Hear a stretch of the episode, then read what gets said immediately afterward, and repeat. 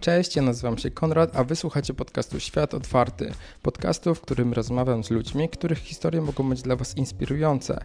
Do dzisiejszego podcastu zaprosiłem Julię Świątek. Julia od ponad 5 lat mieszka w północnej Anglii w hrabstwie North Yorkshire. To właśnie tam produkuje się najpopularniejszą herbatę w Wielkiej Brytanii, czyli Yorkshire Tea.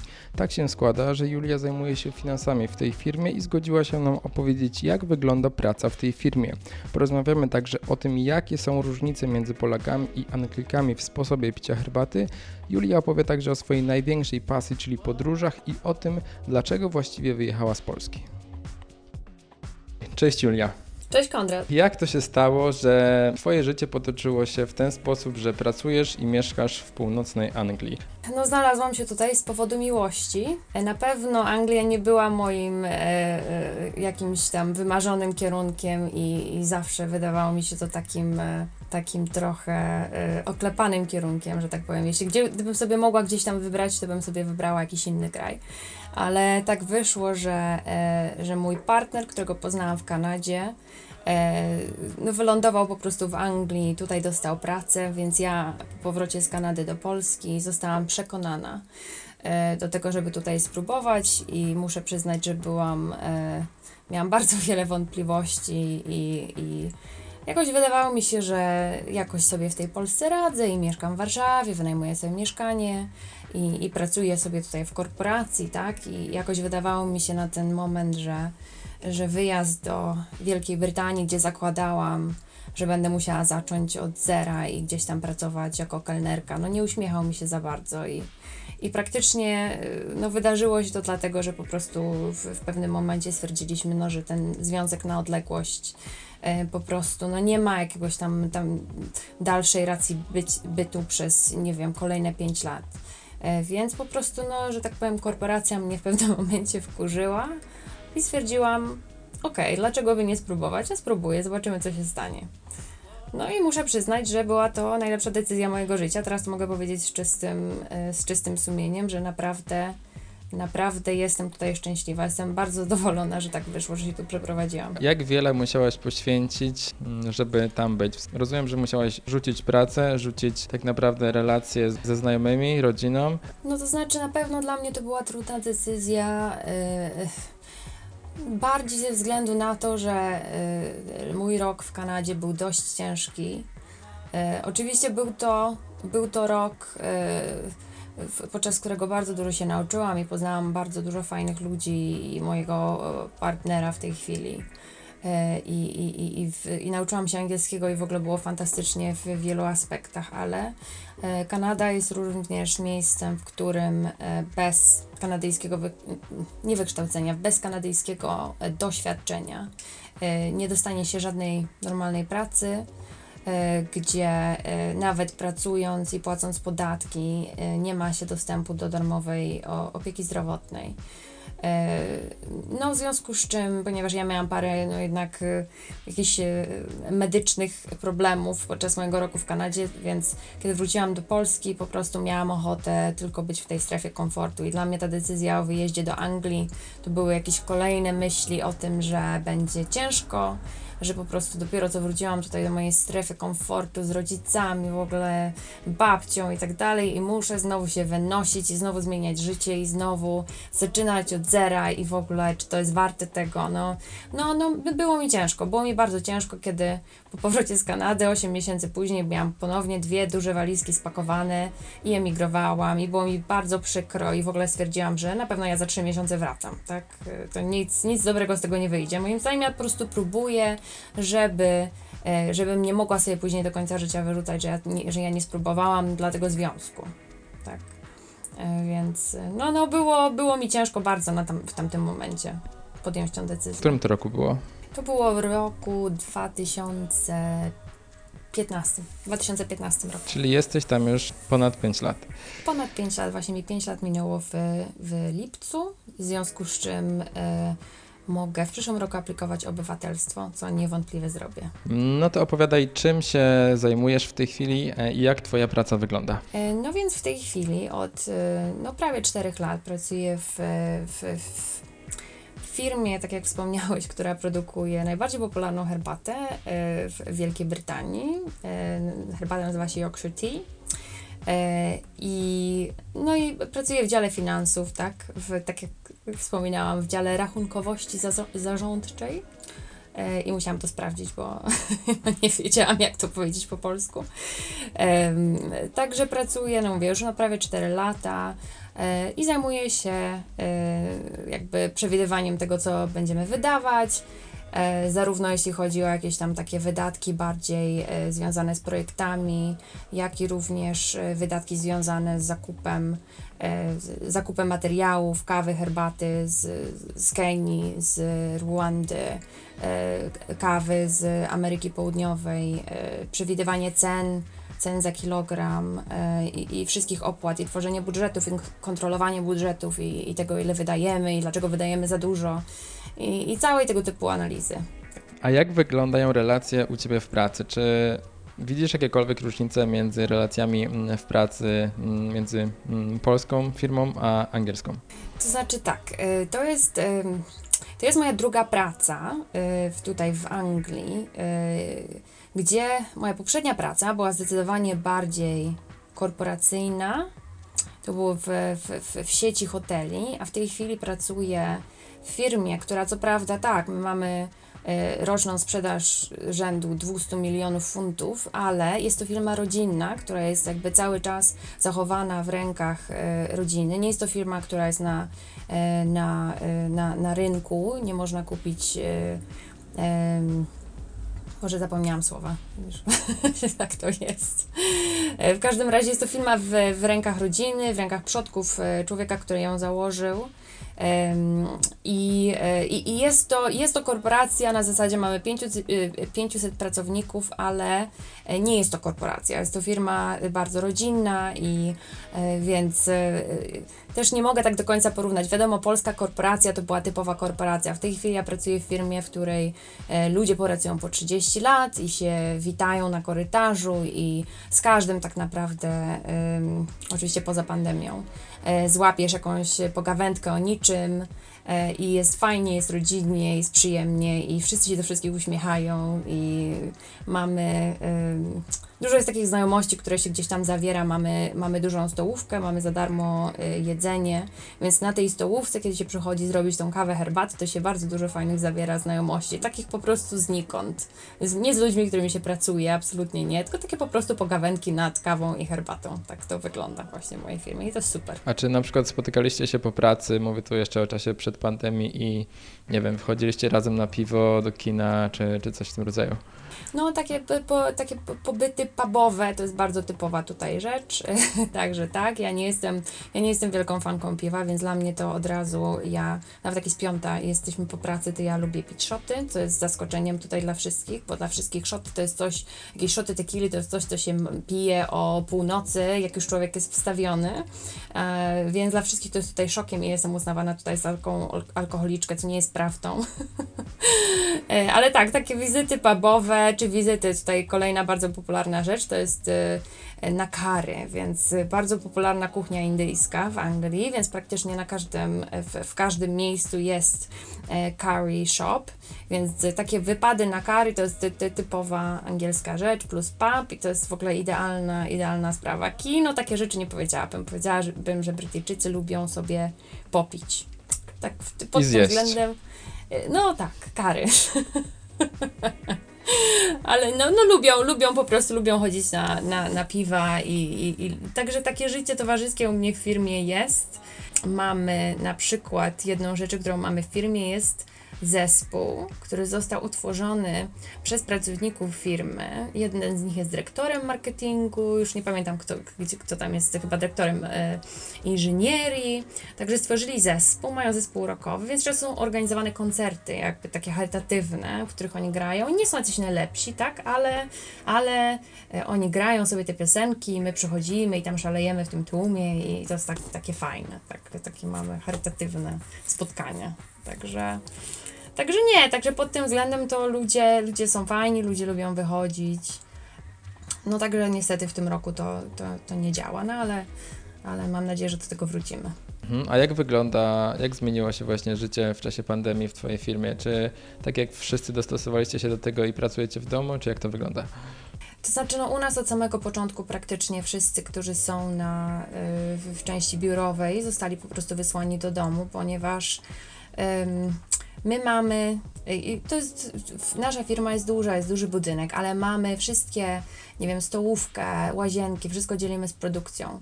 E, w związku z czym w, w, takiej sytuacji produkcja była dla nas najważniejsza, no bo jeśli nie możemy produkować kawy, herbaty, nie możemy jej sprzedawać co w, w tamtym momencie jakoś taka, jakaś taka zdolność gotówkowa cały czas jest bardzo ważna w tej, tej chwili. W związku z czym, żeby chronić produkcję, nas od razu wysłali do domu e, i od, od marca pracujemy z domu i na pewno będziemy pracować z domu do świąt wielkanocnych, e, a być może i dłużej. Ale przy tym tak jakby trochę zapytali się nas, co nam się jakby wysłali nam ankietę i się nas zapytali, czy nam się podoba praca z domu i że jeśli ktoś oczywiście chce pracować z domu po pandemii, no to wszystko jakby będzie to, to taki elastyczny, jakiś tam, e, takie elastyczne założenia, że będzie człowiek mógł sobie wybrać, jak chce pracować. E, więc no, no życie się zmieniło, wiadomo, że życie się zmieniło dla nas wszystkich.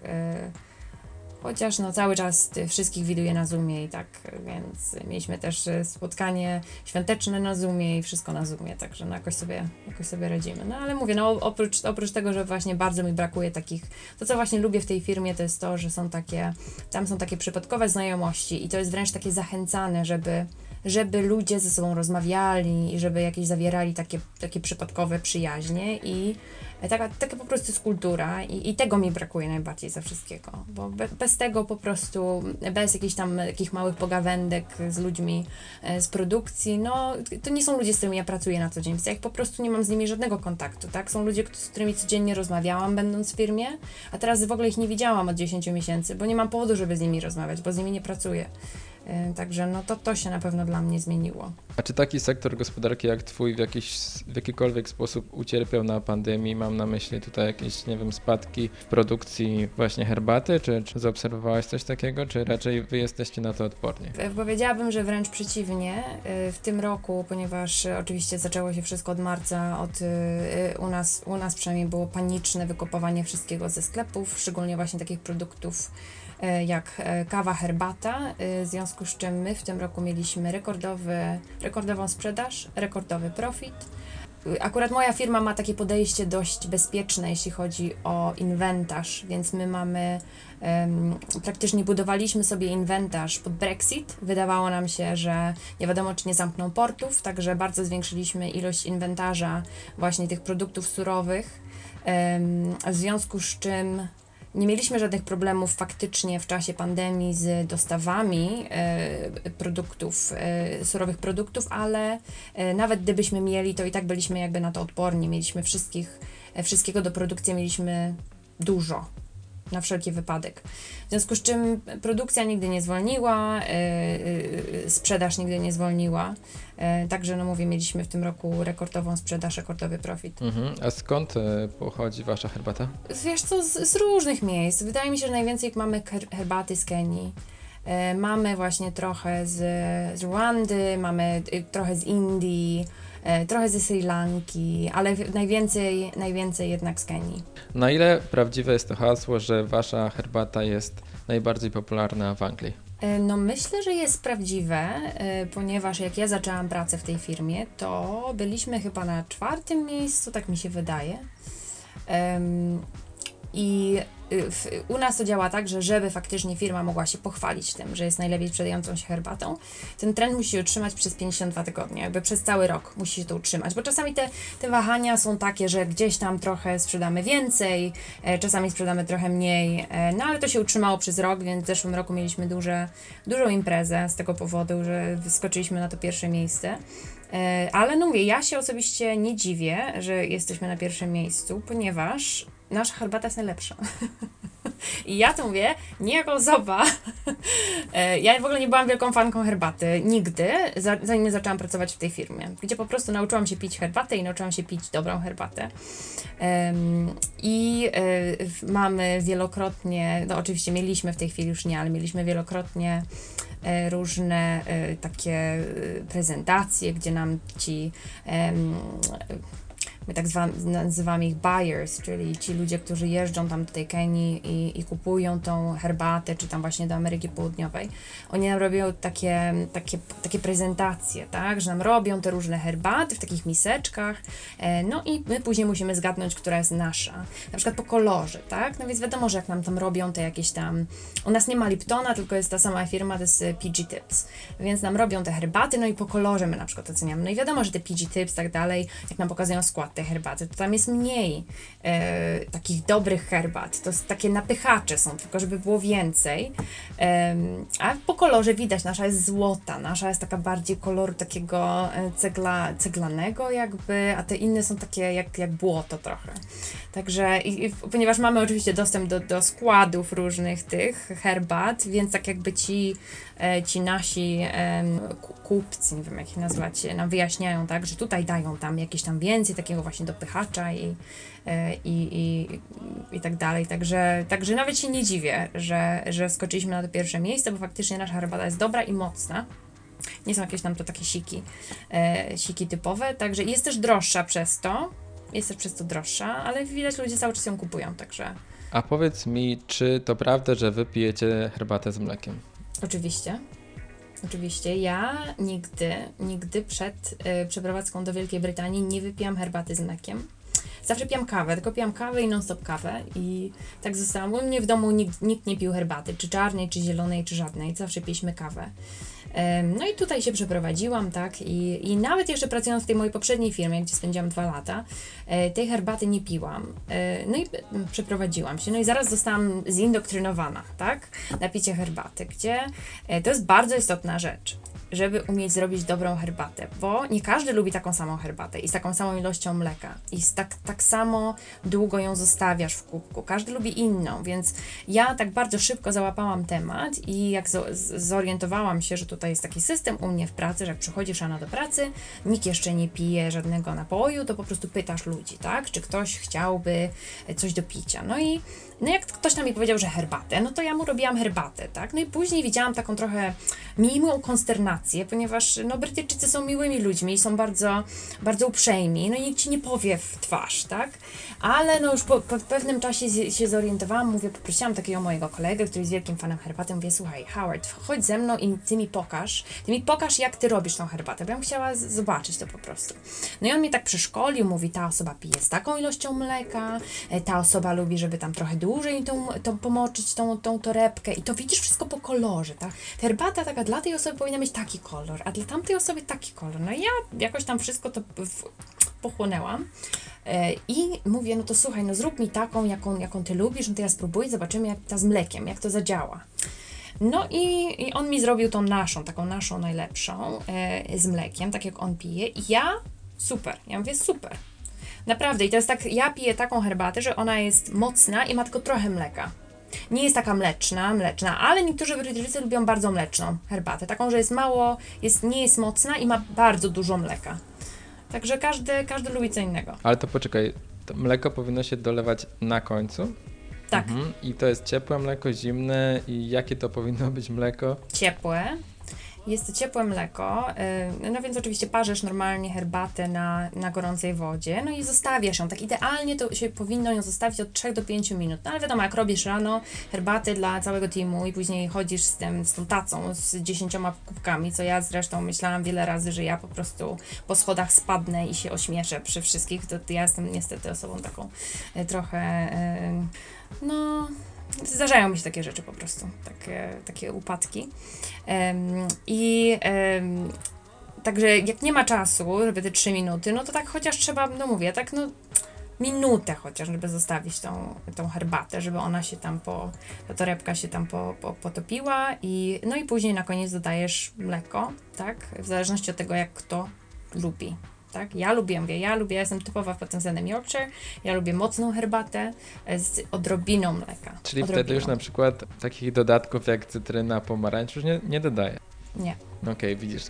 Nie pije, no nie, nie, nie pijesz herbaty z mlekiem i z cytryną. No tak mi się też Ale wydaje. powiem Ci, że ja to tego nigdy nie widziałam.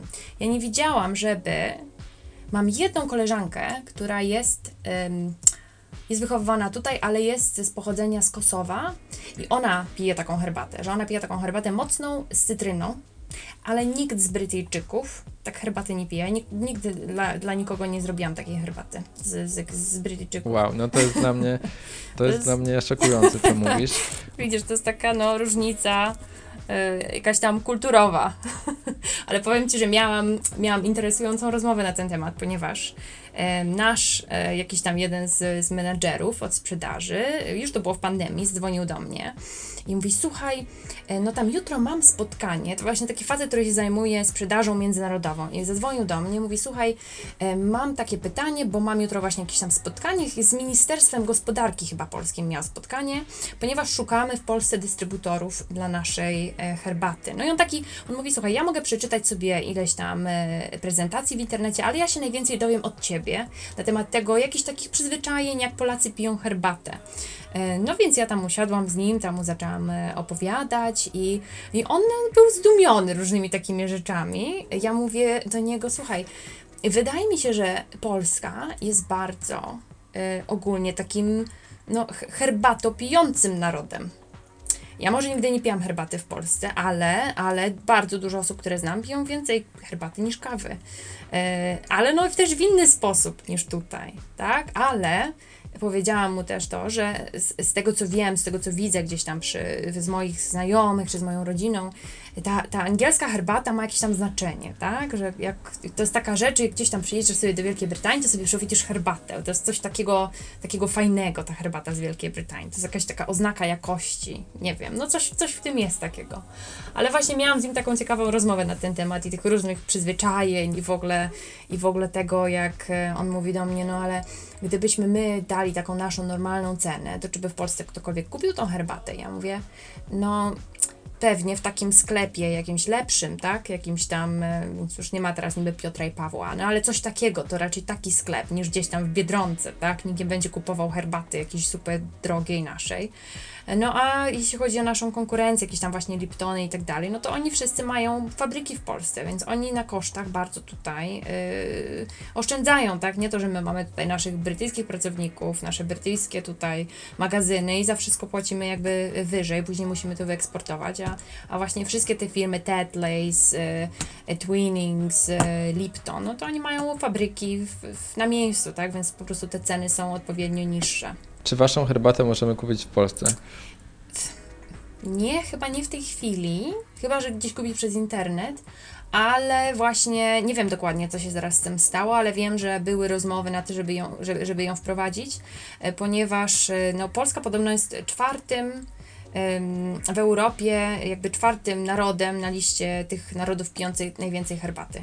Więc no jest to super rynek dla nas. E, my teraz dużo faktycznie jakby wkładamy dużo wysiłku w to, żeby się, no tak jak mówię, mamy tutaj super sprzedaż w Wielkiej Brytanii, ale, ale jakby uważamy, że jesteśmy za bardzo zależni od tutaj naszego rodzimego rynku, w związku z czym jakby zaczynamy dużo eksportować, wkładamy dużo wysiłku w to, żebyśmy mieli dużo um, krajów, do których eksportujemy herbatę, więc mamy w tej chwili bardzo, duży, bardzo dużą sprzedaż w Stanach Zjednoczonych, w Kanadzie, w Australii, e, w Nowej Zelandii, e, no głównie w tej chwili w tych krajach jakiś tam Commonwealth, tak, gdzie, gdzie tą herbatę się pije.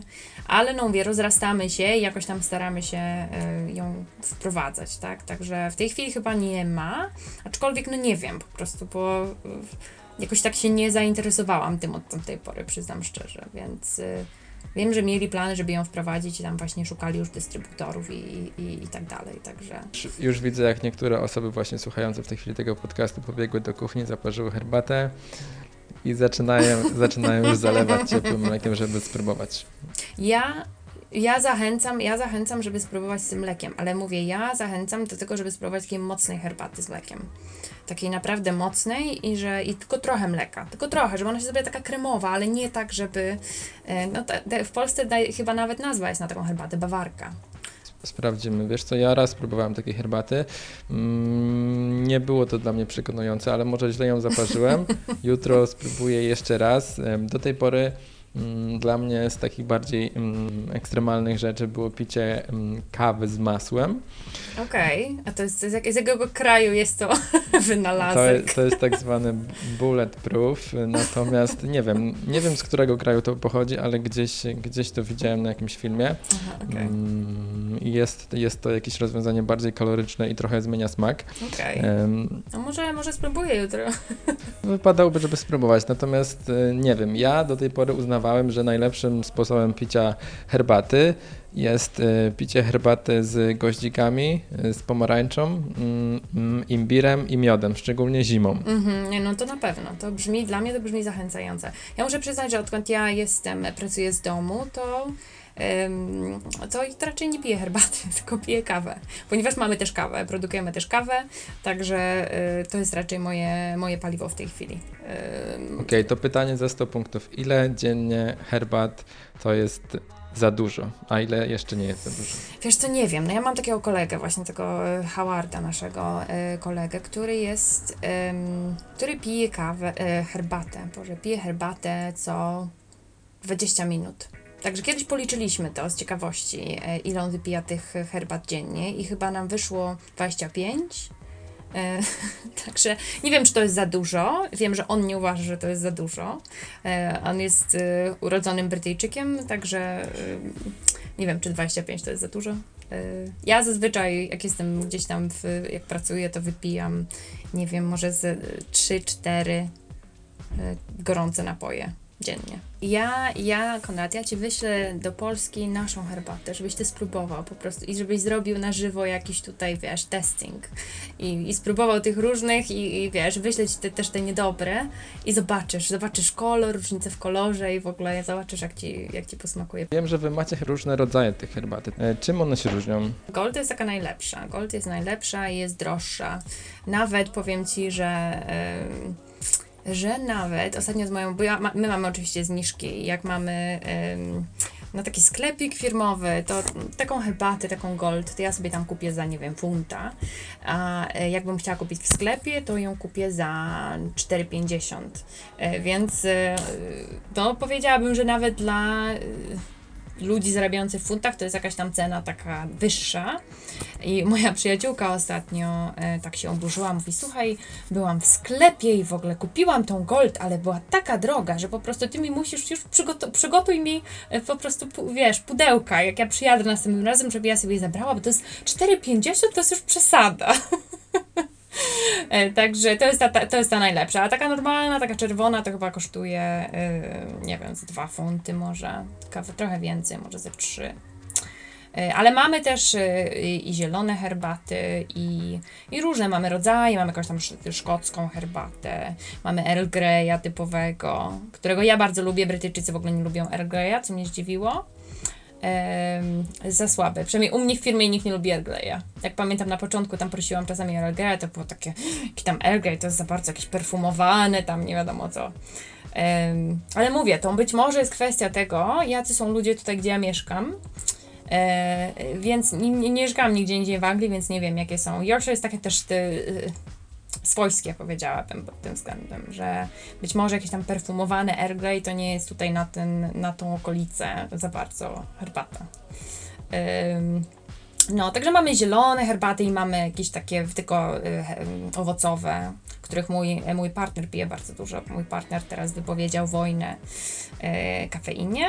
Mój partner, ogóle kochał kawę całe swoje życie i, i, i ja kupuję ziar, kawę ziarnistą i mamy młynek i ją mielimy i jest w ogóle pięknie i cudownie, zapach, zapach w domu. Zresztą mieszkamy bardzo blisko mojej firmy, dosłownie za rogiem jest, jest moja firma. Jak wychodzimy z psem, to czuć e, paloną kawę w powietrzu. To jest piękne, to jest cudowne, naprawdę, że chodzisz z tym psem i po prostu ten zapach tak się roznosi. Ale jeszcze oprócz tego, że moja firma robi kawę i herbatę, to robimy, mamy e, część biznesu, to jest piekarnia, więc jest też w powietrzu zapach czekolady i pieczących się pysznych ciastek. To też jest fajne. No, to brzmi bardzo dobrze. Jeśli chodzi o chleb, to wydaje mi się, No. że e, ja i chyba nie tylko ja mm, w czasie pandemii nauczyliśmy się piec w domu chleby. Mój partner też się nauczył. To, był dość kró- to była dość krótka fascynacja w jego przypadku, to może trwało ze dwa miesiące. E, Teraz jak tam czasami kupiliśmy taki żeliwny garnek na to wszystko, żeby było fajnie. No i oczywiście od tamtej pory garnek stoi już nieużywany. Już po prostu mu się znudziło. Taki był zafascynowany, jakieś przepisy czytał, w ogóle nie wiadomo co, no i to już się skończyło.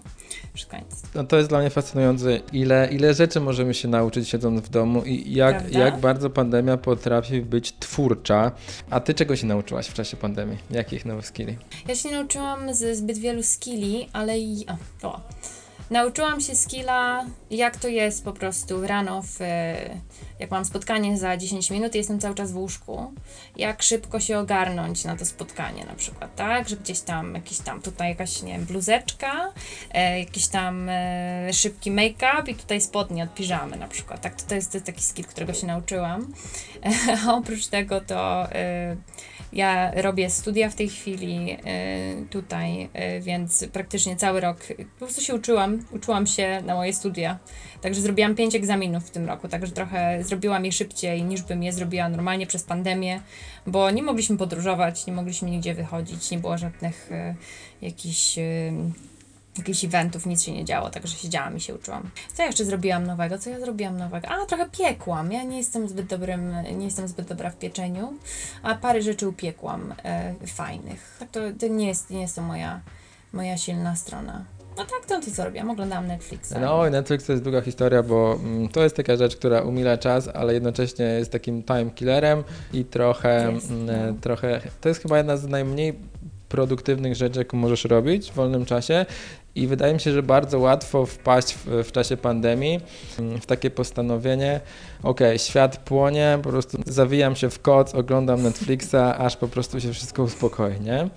E, i- Jest coś takiego i, i No, ja no, pewnie no, też miałem swoje takie tygodnie, gdzie okej, robiłem tak, ale potem doszedłem do wniosku, no nie, no poczekajcie, no jestem zdrowy, dobrze się czuję, siedzę w domu, ale tak, mam internet, mam wodę, mam prąd, mam komputer, telefon, więc mogę działać, tak? No, możliwości są ograniczone, ale mogę robić coś produktywnego. Mm, filmy w jakimś tam stopniu mogą cię rozwinąć, no ale umówmy się, raczej jest to rzecz, która nie rozwija, tylko, e, tylko zwija. No, zależy co, zależy co, są takie filmy. Teraz wszyscy oczywiście obejrzeli Gambit Królowej, no i ludzie grają szachy, tak? No to jest, jest to pozytywny wpływ. To jest y, magia Netflixa, jak z nudnych szachów potrafi zrobić coś ciekawego. Dokładnie, więc to są takie rzeczy, które faktycznie jakiś tam mają y, no, pozytywny wpływ, tak? No mówię, mój partner zaczął robić chleb. E, u nas był przez bardzo długi czas brak mąki w sklepach. E, także za każdym razem, jak szliśmy do supermarketu, akurat w czasie y, pandemii, to jak widać, wiele osób miało taki taki pomysł, żeby coś piec, także nie mogliśmy w ogóle dostać mąki. I w końcu jak już mąka była, to jemu się odechciało, tak? Także już się skończył świeży chlebek. E, Ale no plusem jest to, że, że moja firma ma też piekarnię, także czasami sobie zamawiamy po prostu chleb. e, Przywożą nam taki, taki pudełko, gdzie tam pięć chlebów i, i, sobie, i sobie je mrozimy i sobie je później jemy. Mhm. A jak u Was wygląda sprawa robienia zakupów? Jak często je robicie i, i gdzie? Znaczy, wiesz co, w, w zawsze, ponieważ tak ja, y, tak jak mówiłam, mieszkam 5 minut od z, z pracy, e, między moim domem a moją pracą jest bardzo duży supermarket, także ja e, w, w, przed pandemią nie planowałam nigdy posiłku, tylko po prostu sobie po... Zwłaszcza, że nie musiałam, ponieważ mamy, mamy w, w pracy mamy stołówkę i mamy i lunche, i śniadania, wszystko mamy zapewnione, także się nigdy jakoś tam nie przejmowałam, ale wieczorem coś tam sobie mm, gotowaliśmy. Ale to było takie, o no dobra, dzisiaj ten makaron sobie ugotujemy, coś tam, coś tam kupowałam po drodze. A no pandemia nas zmieniła w takim sensie, że zaczęliśmy robić zakupy przez internet. Teraz wszystko robimy przez internet i raz na dwa tygodnie y, robimy zakupy. Y, w tej chwili em, robimy listę przepisów, tak właśnie, takich no 10 powiedzmy. I po prostu zamawiamy na podstawie tego i, i nam to przywożą i, i nie chodzimy do sklepu, staramy się ograniczać. I, bo takie okresy w pandemii, gdzie po prostu wyjście do sklepu to była wyprawa jak na, nie wiem, na Grenlandię po prostu. To była masakra, ponieważ tak, szliśmy z listą, mieliśmy listę 100 rzeczy, na, na, które mieliśmy kupić. Szliśmy z tym wózkiem, w ogóle wielki supermarket, więc tam zajmowało z- do, złapanie wszystkich tych rzeczy spółek, zajmowało nam 100 lat, później zeskanowanie tego wszystkiego, później popakowanie tego wszystkiego. No w ogóle to była jakaś makabra i zajmowało nam to dwie godziny. E, I stwierdziliśmy, że w ogóle bez sensu, że lepiej, żebyśmy sobie zrobili tą listę i nam ktoś to przywiezie do domu i będzie fajnie. Także od, od pandemii robimy już, e, już nie, no nie chodzimy tak, to choć, czasami coś tam, jak nie wiem, coś tam się skończy niespodziewanie, albo, albo jak nam się coś tam przypomni, albo jak nam się zachce czegoś szczególnego, no to pójdziemy, ale tak to staramy się ograniczać w ogóle by, bycie w miejscach publicznych, jeśli nie musimy być Okej, chwili. mam wrażenie, że tutaj supermarkety stały się po prostu nowymi lunoparkami i to jest jedyne, jedyne centrum rozrywki, niestety, No. gdzie ludzie po prostu mogą odetchnąć. I ja też na przykład spędzam tak czas, że teoretycznie powinniśmy robić zakupy rzadziej, a większe, ale wiadomo, że nie, nie mamy możliwości Mhm. chodzić nigdzie indziej, no to tak naprawdę co, co kawałek chodzi się i dokupuje różne drobne rzeczy. Mhm. E, Więc tak to, tak to wygląda. A powiedz mi, w Anglii jest popularna kultura jedzenia na mieście. Jak bardzo jest popularna? Czy, no nie mówię tutaj o pandemii, ale ogólnie. To znaczy ogólnie jest popularna. ym, Jest popularna i na pewno bardzo popularne jest takie jedzenie pubowe. W tej chwili no puby bardzo często serwują jedzenie i to jest takie typowe brytyjskie jedzenie, jakieś tam fish and chips e, i, i, i tego typu jakieś tam takie, no to dość ciężkie rzeczy, tak? Takie właśnie jak sobie tam wypijesz te 8 piw, to tak właśnie podchodzi coś takiego.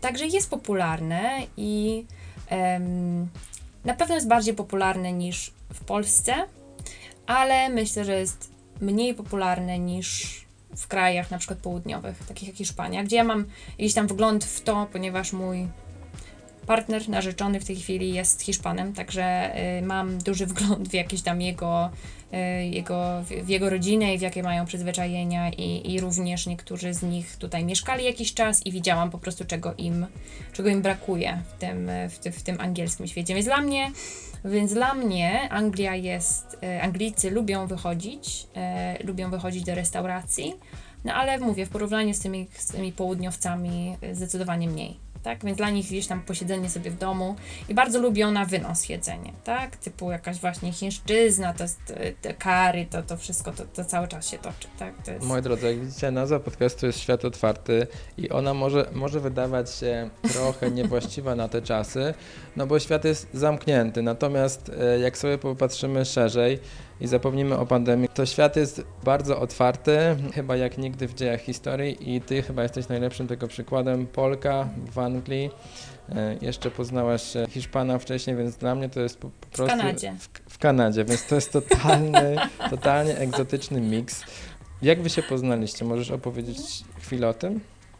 E, tak, oczywiście, więc poznaliśmy się, e, oboje byliśmy na tej samej wizie, tak zwany, e, to taka była wiza wakacyjna, tak naprawdę roczna wiza pracownicza. Oboje o nią aplikowaliśmy, zresztą mój Mój partner e, chciał bardzo wyjechać do Kanady, ponieważ e, jego była dziewczyna była Kanadyjką, także no, przyjechał z takiego powodu, e, no jakby wiadomo, nic z tego nie wyszło. Ale poznaliśmy się, nie wiem czy słyszałeś o couchsurfingu. Nie wiem, kiedyś korzystałeś z couchsur- couchsurfingu? Nie miałem przyjemności, natomiast próbowałem, rejestrowałem się na, na tej stronie Mhm. y, i wiem, wiem, wiem na czym to polega. Więc ja też nigdy nie lubiłam couchsurfingu osobiście. Zawsze jakieś miałam takie, y, no nie wiem, jakieś takie obostrzenia, nie wiem, coś, coś tam jako dziewczyna zawsze mi się wydawało, że coś, coś może być nie tak.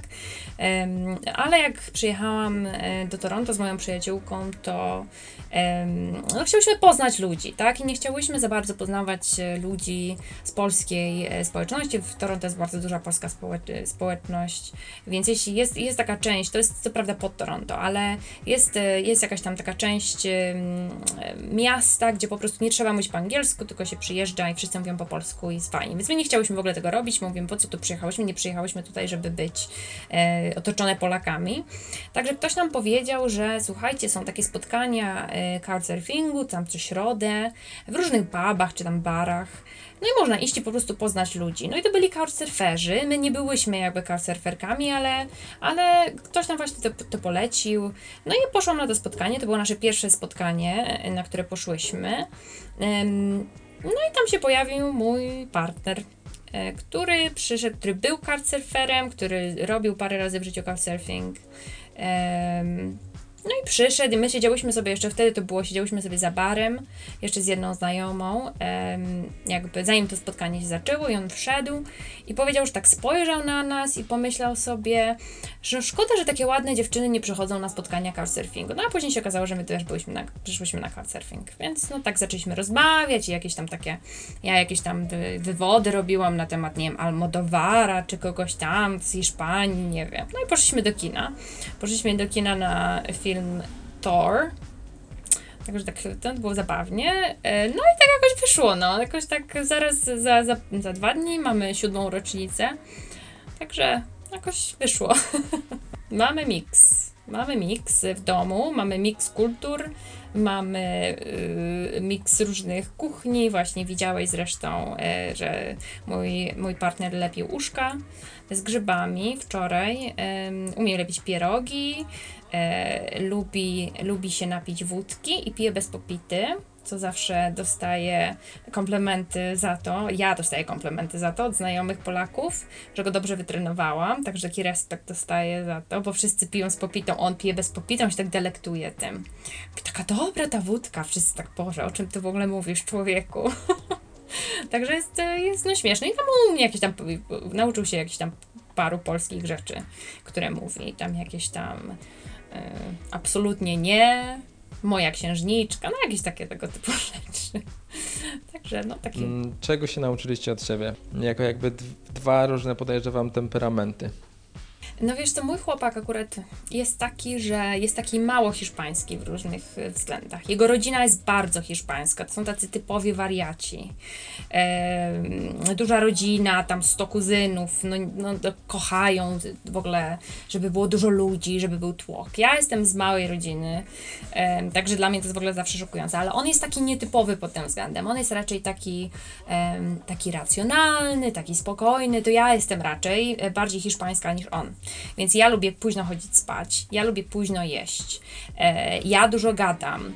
On jest taką osobą, że on lubi sobie wcześniej iść do łóżka, e, nie wiem, lubi, e, lubi spokój, nie lubi jeść za późno, tak jakby on się tak od, od tej rodziny jakoś tak chce być taki, jak ta rodzina nie jest.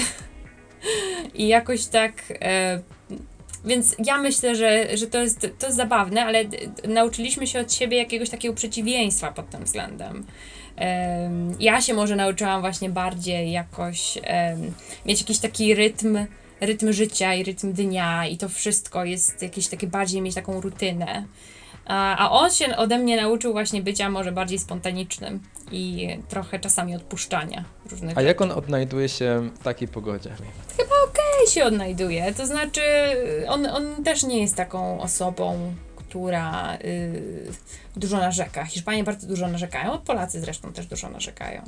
Ale on nie jest taką osobą, która raczej narzeka i on, czy jest y, pięknie na dworze, czy nie, to on codziennie i tak idzie na swoje 20 km i biega i jeździ na rowerze do pracy w deszczu.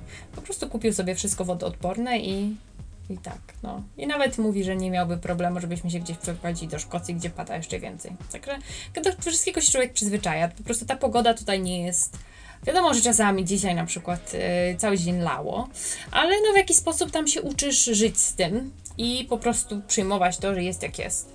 Ale nigdy nie jest ekstremalnie, to znaczy nigdy w lato nie jest 40 stopni i nigdy w zimę nie jest minus 20.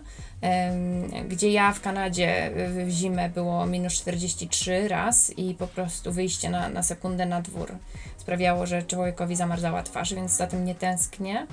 E, ale no mówię, na przykład w lato w tej chwili, jak gdzieś tam rozmawiam e, z kimś z Polski, czy z rodzicami, czy jak ludzie narzekają, że właśnie w lato jest tak gorąco w Polsce w tej chwili, że się po prostu nie da spać, no to my nie mamy tutaj czegoś takiego raczej. Nie, nie, nie u nas nie ma takich temperatur, więc jest tak w miarę okej. Okay. Teraz w zimę, mamy wyjątkowo ciepłą zimę. E, nie wiem, czy to jest kwestia ocieplenia klimatu, ale mamy no dzisiaj 13 stopni, także Także ja trochę za tym tęsknię, trochę tęsknię za tym, żeby było trochę tego śniegu. Ale no mówię, nie ma takich ekstremalnych um, temperatur, więc w jakiś sposób się żyje łatwiej w tym klimacie. Uważam. Słońce też mamy. I to jest właśnie ten paradoks, o którym ja słyszałem, że no Anglia, Wielka Brytania ma taki klimat, który mm, no nam się wydaje, że tam jest zimniej. Natomiast nie wiem z czego to wynika, chyba po prostu jest jakiś front, po prostu, e, który wpływa na to, że ten mm. klimat jest e, mniej zróżnicowany niż u nas. To znaczy, że ta zima rzeczywiście, tak jak ty mówisz, nie jest tak, e, tak surowa jak u nas. Więc jak ty mówisz, że, że w grudniu, pod koniec grudnia jest, jest 13 stopni, to, to, to, jest bardzo, to jest bardzo wysoka temperatura w porównaniu z Polską w tym roku nie było, tak jak w tych poprzednich latach jeszcze pamiętam, były czasami takie temperatury, że tam było około zera albo maksymalnie minus 5. To chyba naj, najniższa temperatura, jaką w ogóle widziałam. Oczywiście Brytyjczycy, jak jest minus 5, to jest w ogóle wszystko, świat się kończy. E, raz miałam taką sytuację, ze dwa lata temu, że e, spadł śnieg. E, było no, no minus 5, więc ten śnieg trochę leżał. Firma zamknięta nikt nie jest w stanie dojechać do pracy, szkoły zamknięte, w ogóle tragedia, bo śnieg spadł.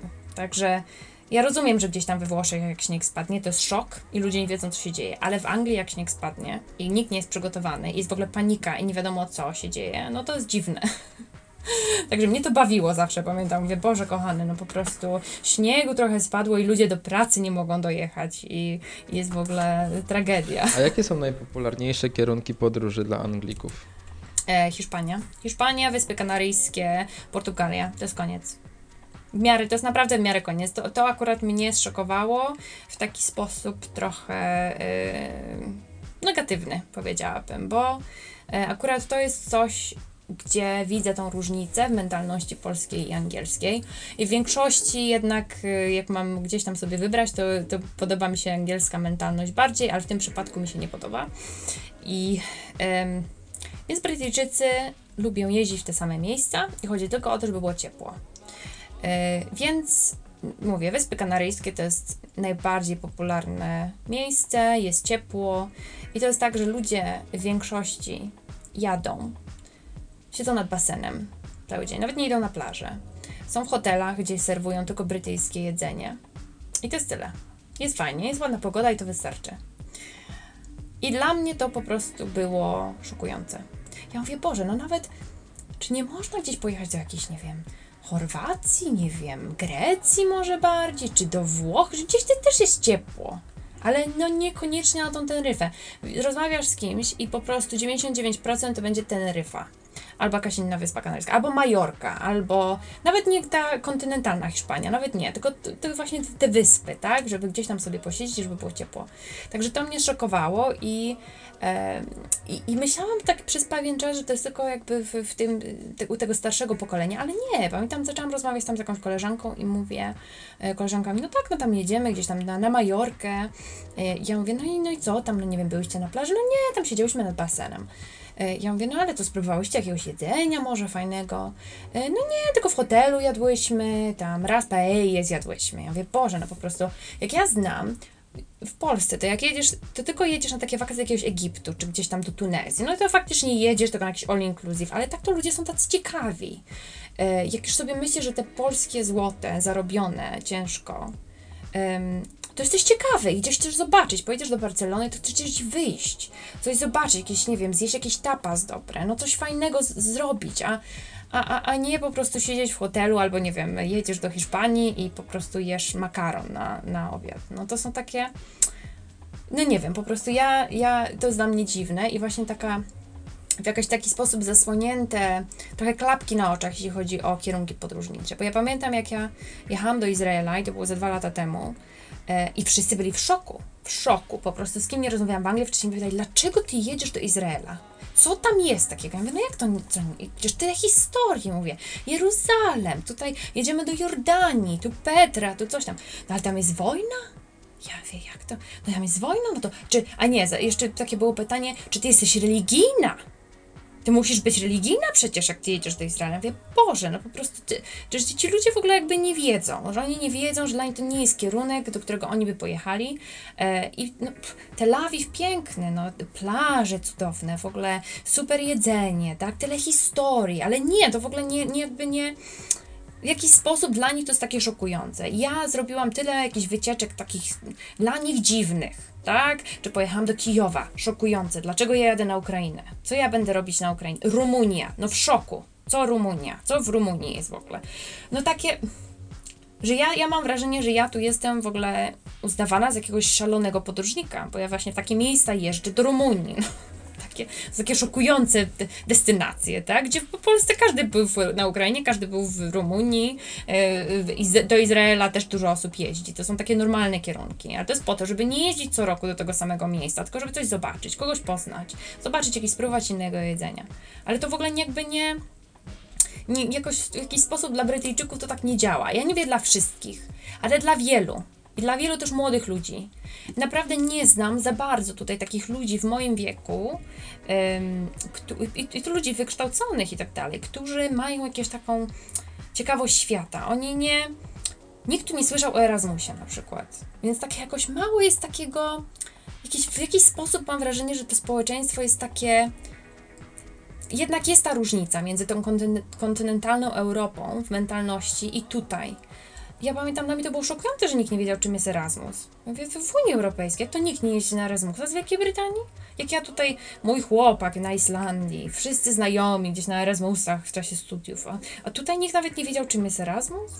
No, no szokujące to dla mnie było. I w jakiś sposób tak sobie myślę, że, że to się jednak jakoś tam, jak się nie pozna tych ludzi z innych krajów, to, to, to nie masz takiej ciekawości. To jest po prostu jakieś takie trochę, trochę zamknięcie. No nie wiem, nie wiem jak to wytłumaczyć. No to jest bardzo ciekawe, co mówisz, bo Anglicy wydaje mi się, że mają dwie bardzo duże e, zalety, mianowicie bardzo mocną walutę, e, no i język. Dogadają się praktycznie w bardzo, w bardzo dużej liczbie krajów, a po drugie ich waluta pozwala na to, że po prostu w większości krajów są w stanie e, spędzić wakacje w dobrym hotelu i dobrze zjeść. Więc to jest rzeczywiście dla mnie zaskakujące i rozumiem e, o czym mówisz, bo jak ja pojechałem w zeszłym roku do, do Rumunii, to też słyszałem głosy, dlaczego tam jedziesz, przecież tam nic takiego nie ma, co ty tam będziesz zwiedzał, przecież tam nie ma plaży. No ale dla mnie sam fakt mhm. bycia w miejscu innym jest już czymś mm, fascynującym. Wcale nie muszą być to Ateny, Paryż, Nowy Jork, ale może być to po prostu jakaś mieścina, małe miasto po prostu w Rumunii. I dla mnie, jak ja sobie po prostu chodzę ulicami, zwykły spacer po takim małym mieście w Rumunii, no dla mnie to jest ekscytujące, bo ja po prostu widzę totalnie inne życie i chłonę. Jak małe dziecko po prostu chłonę ten klimat. I mogę nie mówić w tym języku, może tam nie być żadnych mhm, zabytków ciekawych, ale zwykły spacer i spojrzenie jak ludzie się ubierają, jak chodzą, jak żyją, co jedzą, jak budynki wyglądają, no to jest dla mnie jakby odkrywanie nowych map w GTA. Nie wiem, czy grałaś kiedyś w GTA. Grałam kiedyś GTA, ale to było to takie stare GTA. takie, takie chyba w latach, nie wiem, powiedzmy, nie wiem, e, późnych latach 90. grałam w GTA. No to w GTA jest tak, że mm, zaczynasz grę i masz e, konkretny obszar, po którym możesz się poruszać i w miarę po prostu rozwoju gry możesz odkrywać nowe obszary. Ostatnio właśnie tak sobie myślałem, że e, niektórzy na przykład mogą chwalić się na przykład rzeczami materialnymi typu zegarek, samochód, dom, a niektórzy, i to zwłaszcza mówię o naszym pokoleniu, i to jest raczej, y, no nie wiem, takie zjawisko, że lubimy się chwalić, że byliśmy w różnych miejscach na świecie i wrzucamy na Instagram zdjęcia, byłem tu, byłem tam i to jest taki nowy sposób chwalenia się. Kiedyś chwaliliśmy się zegarkami i samochodami, teraz chwalimy się, że by, byłem w Tajlandii, w Tokio, w Nowym Jorku, ale wydaje mi się, że to jest taki dobry sposób chwalenia się. Jakby nie widzę w tym nic negatywnego, nie wiem co ty o tym sądzisz. Ja też nie widzę w tym nic negatywnego. Wydaje mi się, ja jestem też taką osobą, która ja nie mam, e, nie mam samochodu, nie mam telewizora, w ogóle nie jestem raczej osobą skupioną na rzeczach e, materialnych i właśnie liczę swoje szczęście w podróżach. E, I no i pod tym względem wiadomo, ten rok był dla mnie trudny, bo mieliśmy parę wycieczek zaplanowanych, które się nie odbyły i zostały z, z odwołane w ostatniej chwili. Um, ale ja zawsze mówię tak, jak będę miała te 90 lat, o ile dożyję, i nie będę miała Alzheimera i coś tam będę pamiętała, to nie będę sobie mówiła, o słuchaj, stara, kupiłam sobie torebkę Gucci za, nie wiem, 5000 złotych, albo mam, nie wiem, iPhone'a zajebistego. Tylko będę sobie patrzyła na moje zdjęcia właśnie gdzieś tam z Azji, czy, czy, czy, czy ze Stanów i będę pamiętała te super chwile. Ja powiem Ci, że ja mam tak, że jak mam jakiś naprawdę zły dzień i po prostu jestem wkurzona i myślę sobie, Boże, no po prostu już nie wytrzymuję, to ja sobie włączam zdjęcia z moich wycieczek. I wtedy sobie tak patrzę na tak taka osoba z boku i myślę sobie, Boże, no jakie ty masz super życie. No ty nigdy nie myślałaś, że będziesz miała takie życie. Nigdy jak gdzieś tam byłaś tym dzieckiem w Polsce, w blokach, dorastającym w wieku lat pięciu, ty nie myślałaś, że ty pojedziesz na Borneo i zobaczysz orangutany. No kto by w ogóle pomyślał o tym? I myślę sobie, Naprawdę, to jest dla mnie warte y, wszelkich pieniędzy. Ja wydaję dużo pieniędzy na podróże, naprawdę, praktycznie wszystkie moje pieniądze idą na podróże, ale nie wstydzę się tego, uważam, że to jest super, naprawdę. I myślę sobie, żyjemy raz i mamy jedno życie. I oczywiście uważam, że też trzeba jakiś tam mieć jakiś rozsądek i nie wiem, e, za, za nie wiem, kupić sobie dom, czy mieszkanie, czy coś tam. Takie, takie rzeczy, żeby mieć dokąd wrócić, ale, e, ale po tym to naprawdę wolę mieć mniejszy dom, czy wolę mieć, nie mieć samochodu, czy wolę nie mieć, nie wiem, telewizora, czy telefonu, a wolę sobie te pieniądze y, przeznaczyć na bilet. I tak sobie żyję. No to pięknie, no to tutaj chyba jesteśmy zgodni, bo ja chyba żyję podobnymi regułami. No i też ci pewnie było trudno w tym roku. Też mi było trudno, mam po prostu syndrom odstawienny od, od roku. Natomiast u mnie było, powiem ci tak, bardzo ciekawie się potoczyło moje życie przez ostatnie dwa lata, ponieważ w 2019 roku, w styczniu, robiłem sobie taki challenge, wyzwanie, bo akurat wtedy nie pracowałem na etacie, tylko pracowałem powiedzmy jako freelancer mm, i sobie zadałem pytanie, ok, mam taką pracę w mhm. tym roku, jest to dosyć coś nietypowego dla mnie, jak mogę to wykorzystać? No i zadałem sobie to pytanie i bardzo szybko odpowiedziałem sobie na pytanie, ok, 2019 rok, mogę pracować z dowolnego miejsca e, na, na ziemi, nie mam etatu, pracuję jako mm, montażysta filmowy, więc zabieram komputer i robię tak, że w każdym miesiącu robię jeden trip. I tak mi się udało chyba do, do września. To nie były długie wyjazdy, to był tydzień, dwa maksymalnie. Mhm. Które było Twoje ulubione miejsce? Yy, chyba Albania. Hmm, no widzisz, ja jeszcze nie byłam, jest na mojej liście. Chyba Albania, polecam bardzo Saranda. Mm, to jest, taka, to jest takie miejsce Mm, bardzo turystyczne, natomiast... Yy... Tam jest blisko Korfu. A tak. ja wiem, słuchaj, bo ja Cię obserwuję na Instagramie, więc ja widziałam te zdjęcia i ja się tak zainspirowałam tym. Ja nawet zaczęłam tam sprawdzać loty. To była, to była Twoja inspiracja, teraz to pamiętam tą sarandę.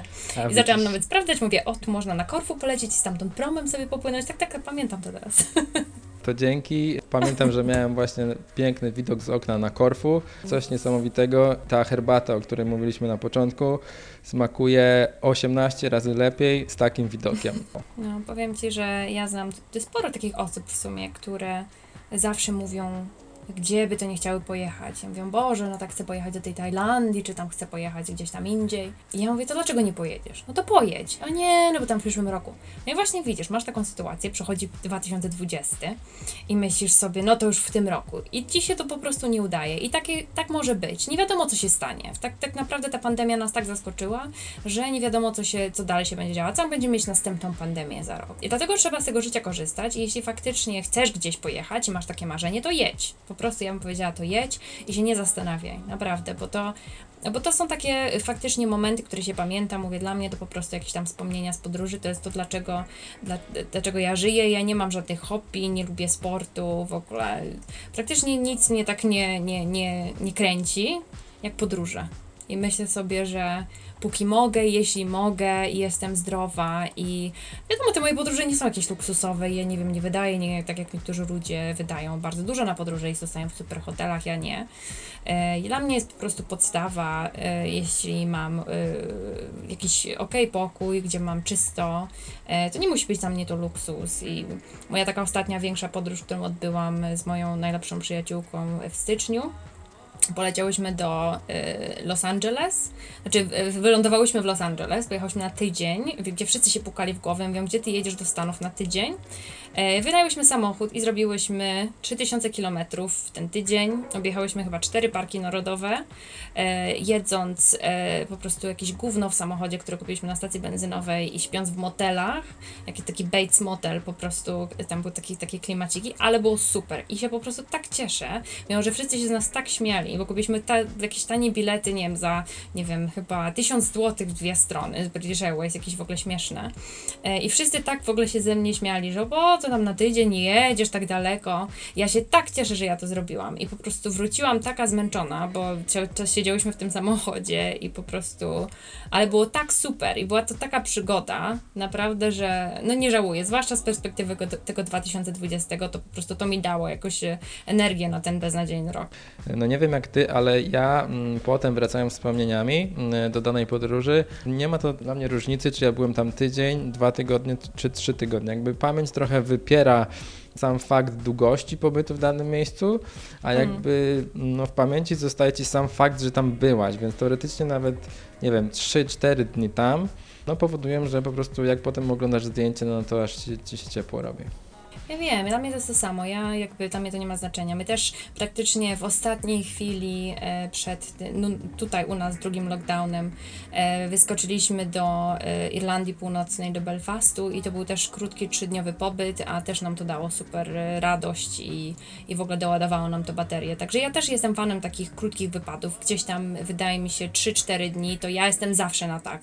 Jakby ktoś tam mi gdzieś proponuje, że słuchaj, wy, wyskoczmy na weekend gdzieś tam, to ja jestem zawsze na tak, zawsze. Ja nie mówię, o za krótko, nie wiem, trudno, nie wyśpię się, trudno, ale będzie fajnie i tak coś zapamiętam, zjem coś dobrego, nie wiem, wyskoczę sobie na, na, na, na weekend do Włoch i zjem sobie pizzę. No warte to jest dla mnie tego, niż siedzenie mhm. w domu.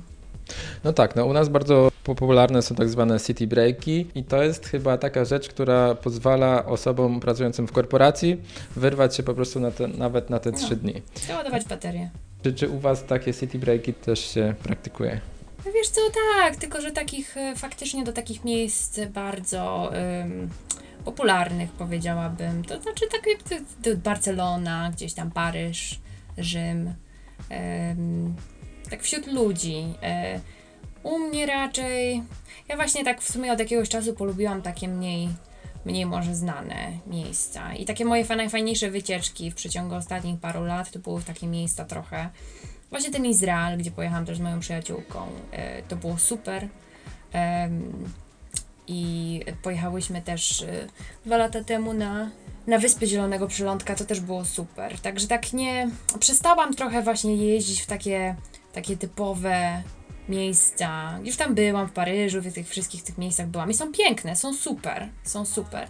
Ale teraz właśnie jakoś tak mnie bardziej kręci, myślę sobie, nie wiem, coś takiego typu ym, ta Ukraina, tak mi się tej Ukrainie podobało, czy nie wiem, może ym, może właśnie Bułgaria, albo, no nie wiem, no coś takiego innego niż te Grecje, tam Włochy, te wszystkie takie, te, no tak jakoś myślę sobie, że, że, że, że żebym tak gdzieś bardziej właśnie nawet te city breaki wolała gdzieś w takich miejscach trochę mniej typowych może spróbować.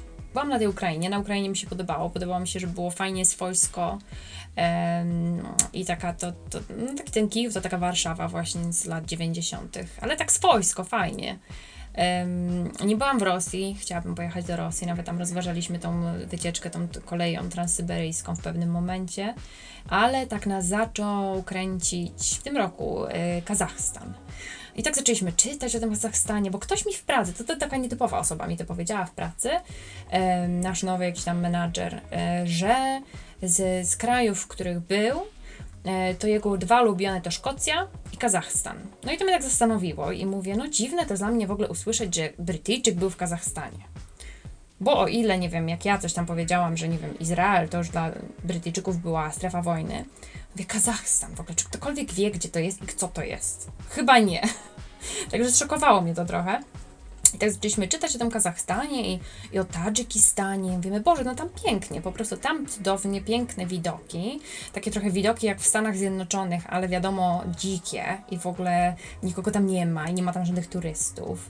I możesz spać w jakichś tam jurtach, czy nie wiadomo co. Um, i nie wiem, no jakoś tak, tak ja nie mówię, no nie, nie byłam za bardzo w, w, w tamtych okolicach właśnie tutaj w naszej Europie, y, trochę w, w wschodniej. Mnie tak. raczej te klimaty wschodnie jakby e, no mniej pociągają, chyba z, te, z tego względu po prostu, że mm, trochę Polska jest w takim klimacie i wydaje mi się, że no, pojechanie na wschód nie jest jakby dużą zmianą, jeśli chodzi o klimat miejsca, a ja bardzo lubię eksplorować miejsca, które totalnie są inne. I im bardziej inne, tym lepiej, dlatego na przykład ja mhm. jestem w ogóle zakochany w Bliskim Wschodzie. Bardzo mi się podoba ten vibe, który tam jest i kocham ten klimat, ten język, ten hałas na ulicy. Czy jesteś taką osobą, która wróciłaby w dokładnie to samo miejsce, bo na przykład podobało Ci się, jest, nie wiem, piękny widok z hotelu i mówisz, Boże, no tak mi się podobało, że chcę za rok pojechać znowu w to, w to samo Raczej miejsce. Raczej nie, w to samo nie, ale w, do tego samego kraju tak. I to jest ta mhm. różnica. Wydaje mi się, że ten sam kraj jak najbardziej można eksplorować i Włochy są tego chyba najlepszym przykładem, że można tam jeździć 10 razy i za każdym razem widzieć Oczywiście. dokładnie e, inne e, miejsca. No, właśnie miałam powiedzieć, że Brytyjczycy e, bardzo często jeżdżą w te same miejsca, do tego samego hotelu. Jak już mają sprawdzony hotel, jakiś tam czterogwiazdkowy, all inclusive, jest, wiesz, British breakfast i tak dalej, fajnie, no to już tam będą jeździć co roku. To jest taka sprawdzona miejscówka dla nich. A ja też, ja też nie lubię. Nie, mało jest takich miejsc, w których, do których by mogła jeździć wiele razy. Zawsze sobie myślę, że oj, chociaż jeszcze to miejsce, jeszcze to miejsce, ale właśnie jednym z takich miejsc jest dla mnie Amsterdam, w którym, e, w którym mogła, mogę jeździć parę razy i zawsze, zawsze jest fajnie. Mhm. No widzisz, ja w Amsterdamie nie byłem jeszcze, ale to też jest e, jeszcze do odhaczenia. Polecam Ci na przykład zabrać kogoś, yy, nie wiem, siostrę może Twoją, albo mamę może Twoją. Ja moją mamę zabrałam na jej 50. urodziny do Amsterdamu i zjadłyśmy sobie razem hashcake'a. I to było po prostu najlepsze wydarzenie, jedno z najlepszych wydarzeń w moim życiu. No, no pojechałyśmy na, nie wiem, na trzy dni, trzy dni. Moja mama zawsze, no wiesz, jaka jest moja mama, zawsze była trochę wyluzowana i zawsze mi mówiła, słuchaj, ja nigdy w życiu nie próbowałam trawy. Ja bym tak spróbowała trawę. I gdzieś tam zawsze było, ma przynieść mi jakiegoś tam skręta, może z jakiejś imprezy, no ale do tego nigdy nie doszło. Więc ja mówię tak, dobra, mamo, kończysz 50 lat, pojedziemy do Amsterdamu. No i poszłyśmy sobie do, do kafejki, kupiłyśmy sobie mafinkę, no i sobie ją zjadłyśmy w hotelu i po prostu miałyśmy najlepszy haj życia i było śmiesznie. I te nasze rozmowy, to ja do dzisiaj pamiętam, nasze rozmowy na haju, po prostu z moją mamą. Tak Także, także polecam to. I teraz moja mama mówi, że o, już to ojca muszę zabrać i też z ojcem to zrobić, bo to jest takie fajne. Genialny pomysł i wydaje mi się, że to jest chyba najlepszy prezent, e, jaki możemy zrobić naszym e, rodzicom, tudzież dziadkom. Przypomniałem sobie teraz taki film, który ostatnio oglądałem na YouTubie, mm, na kanale e, Gdzie Bądź, nie wiem czy kojarzysz, i oni po prostu zabrali swoją babcię na Islandię. I kto tak mhm. robi w ogóle, nie? No, zabrać babcię na Islandię, ale i jak bardzo to jest fajne, że, że wiesz, możemy zabrać nawet właśnie nie mamę, no bo, no bo mama pewnie sobie jeszcze wycieczkę zorganizuje, ale, ale babcię sobie zabrać, no to jest, to jest piękne. Powiem Ci, że moja babcia y, ma 86 lat. I też, no gdzieś tam podróżowała, wiadomo, jak tam gdzieś tam w, w, w, w jakichś tam latach, nie wiem, 70., 80., gdzieś tam potem, gdzieś na Krym, czy nie wiem, gdzieś tam te, po, po, tej naszej stronie, do Bułgarii, nad, ale, ale już tak parę lat temu babcia zaczęła też wyjeżdżać i odwiedziła mnie w Kanadzie z moją mamą, także babci to był pierwszy lot y, y, transatlantycki. Y, I no i od tamtej pory gdzieś tam co roku ją rodzice zabierają i babcia w ogóle jest zachwycona. Dwa lata temu byliśmy na ślubie mojej kuzynki w Toskanii. Babcia była pierwszy raz we Włoszech, po prostu zachwycona. Kocha latać samolotem, uwielbia. Tak jak wszyscy się gdzieś tam stresują, nie lubią. Babcia zachwycona, to jest jej ulubiony moment. Także już u mnie też tutaj dwa razy y, była na, na odwiedziny, w odwiedzinach. Także i, i no mówię, i takie sobie odhacza te kraje i tak mówi, że jeszcze o, w sumie tu by pojechała i tu by pojechała, ale zawsze też mówi, że to, to już ostatni raz, jak lecę samolotem, a później, dwa miesiące później gdzieś jeszcze znowu rodzice ją zabierają. Także no tak, y, to taka babcia 86 lat. Fantastycznie, no oby, oby więcej takich ludzi i wydaje mi się, że no tak jak powiedziałeś na, na samym początku, potem y, z perspektywy czasu pamiętamy właśnie te podróże i wspominamy je super ciepło i mam wrażenie, że podróże to jest taki sposób na to, żebyśmy mieli takie poczucie, że nasze życie jest pełne. Nie marnujemy naszego czasu i mimo upływu czasu, mimo tego, że no wszyscy się starzejemy, to właśnie podróże, nie wiem jak tobie, ale mi pozwalają na to, że potem sobie myślę, że nie zmarnowałem tego i tego roku. Ja na przykład sobie myślę, ja jak byłam, e, jak byłam dzieckiem, to moi dziadkowie mieli taki album w domu, który w którym były zdjęcia z Paryża i to był jedyny taki wyjazd na zachód, który moi dziadkowie odbyli, bo moja chrzestna mieszkała wtedy w Paryżu i to było ciężkie, to było ciężkie, jakieś nie wiadomo pozwolenie trzeba było dostawać, coś tam. I oni mieli ten album, oni tam pojechali chyba na ponad miesiąc i mieli tyle tych zdjęć i te zdjęcia były tak piękne i ja je oglądałam i oglądałam non-stop, po prostu jak to dziecko. E, byłam pełzami na pamięć te zdjęcia. I, I później moi rodzice pojechali do tego Paryża i to też było takie szokujące w ogóle, że Boże, jak to na zachód, no w ogóle takie, to było tak drogo w tych latach 90., czy tam moi dziadkowie byli w latach 80. I i ja sobie tak myślę, że nasi rodzice czy nasi dziadkowie nie mieli tych opcji, jak byli w naszym wieku. I takie, moi rodzice teraz dużo podróżują, jasne, ale to jest inne podróżowanie. To jest inne podróżowanie, jak masz te 20 lat czy 30. I możesz sobie, nie wiem, iść na imprezę, czy, czy w ogóle, nie wiem, yy, poznać trochę ludzi lokalców. Moi rodzice podróżują, ale oni podróżują gdzieś tam na jakichś zorganizowanych wycieczki, czy gdzieś tam pojadą, wiesz, że mają e, autobus zorganizowany, gdzieś tam ktoś ich będzie zabierał, tak? I ja sobie myślę, że, że, że my musimy wykorzystać to, że nasi, że to, to, czego nasi dziadkowie, nasi rodzice nie mieli, czyli w wieku młodym, w wieku tych 20 lat, w ogóle wskoczyć sobie w samolot i gdzieś polecieć i zobaczyć coś fajnego i coś ciekawego. I to jest, no, ja wiem, że w innych krajach ci ludzie mieli tą możliwość, ale nasi, nasi przodkowie, nasi rodzice, dziadkowie nie mieli tej możliwości. I dla mnie to jest najlepsze, co możemy zrobić w tej chwili. Po prostu te, te, ta wojna, ten komunizm i to wszystko, co, co stało na, na, na przeszkodzie, nam nie stoi na przeszkodzie. Dla nas to jest po prostu otwarty świat. I, no i w tej chwili te podróże są takie dość że no, no, można sobie na nie pozwolić, tak? To nie jest jakiś tam, że ten bilet ci będzie kosztował jakieś miliony, tak? Tylko, żeby po prostu stać nas na to. Tak, no bardzo ważne, że, że to powiedziałaś, bo mm, wydaje mi się, że właśnie musimy się mm, zatrzymać i pomyśleć sobie, e, w jakich my czasach żyjemy i na ile możemy sobie pozwolić. E, bo jeśli sobie pomyślimy, że rzeczywiście mm, no, nasi rodzice czy dziadkowie nie mogli sobie e, pozwolić na to, żeby na weekend wyjechać do, do Paryża czy do Rzymu, no to okazuje się, że no dobrze, no to może skoro ja mogę, no to czemu by tego nie wykorzystać? Dwa, mm, często nawet sobie nie zdajemy sprawy, jaką przewagę mamy dzięki temu, że praktycznie każdy z nas mówi po angielsku. Dodam tylko od siebie, że żeby to było takie zwiedzanie świata, mądre i ciekawe, a nie takie zwiedzanie świata, że no, wyjedziesz sobie tam, nie wiem, do tego Egiptu. Wszędzie można wyjechać. Można wyjechać do Egiptu i można zrobić fajne wycieczki.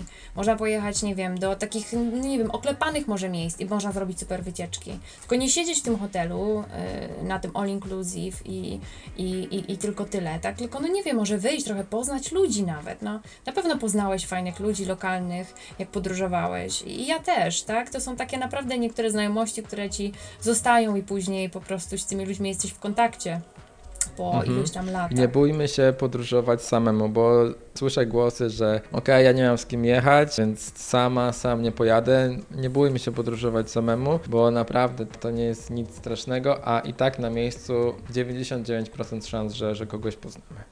Ja nigdy nie byłam sama, yy, nigdy nie, nie, pojechałam nigdzie sama, boję się tego. Yy, to jest jedna sprawa. Druga sprawa jest taka, że zazwyczaj mam z kim i nie miałam nigdy czegoś takiego, że o Boże, tam bym pojechała takie super bilety, ale nie mam z kim. Zawsze jakoś tak wyszło, że z kimś mi się udało pojechać, ale no nie wiem, mam jakiś taki trochę lęk yy, podróżowania samej, mimo że wiem, że to jest taki racjonalny lęk i wydaje mi się, że moja przyjaciółka na przykład takie prze, przełamała trochę w, w zeszłym roku, tam rozstała się z partnerem e, i też kocha podróżować i stwierdziła, że tam co, będzie się w ogóle przejmowała. No i zaczęła też podróżować sama i teraz wszędzie sama podróżuje i w ogóle to kocha i, i, i w ogóle nie ma to dla niej żadnego znaczenia i żadnego problemu. Także, no może ja też się przełamię. Jak będzie taka okazja i taka, tak, takie okoliczności, to może ja też się przełamię. To twoje obawy wynikają z tego, że na przykład jesteś kobietą i boisz się na przykład wyjechać samej, bo boisz się różnych takich nieprzyjemnych sytuacji?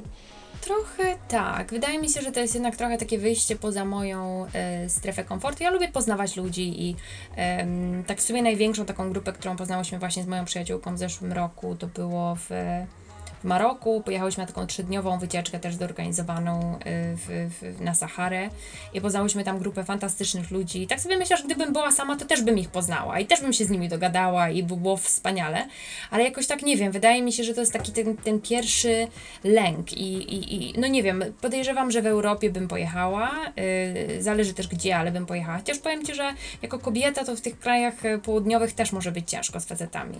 Yy, niby jedziesz do Włoch, ale faceci E, też potrafią się zachowywać dość e, nachalnie.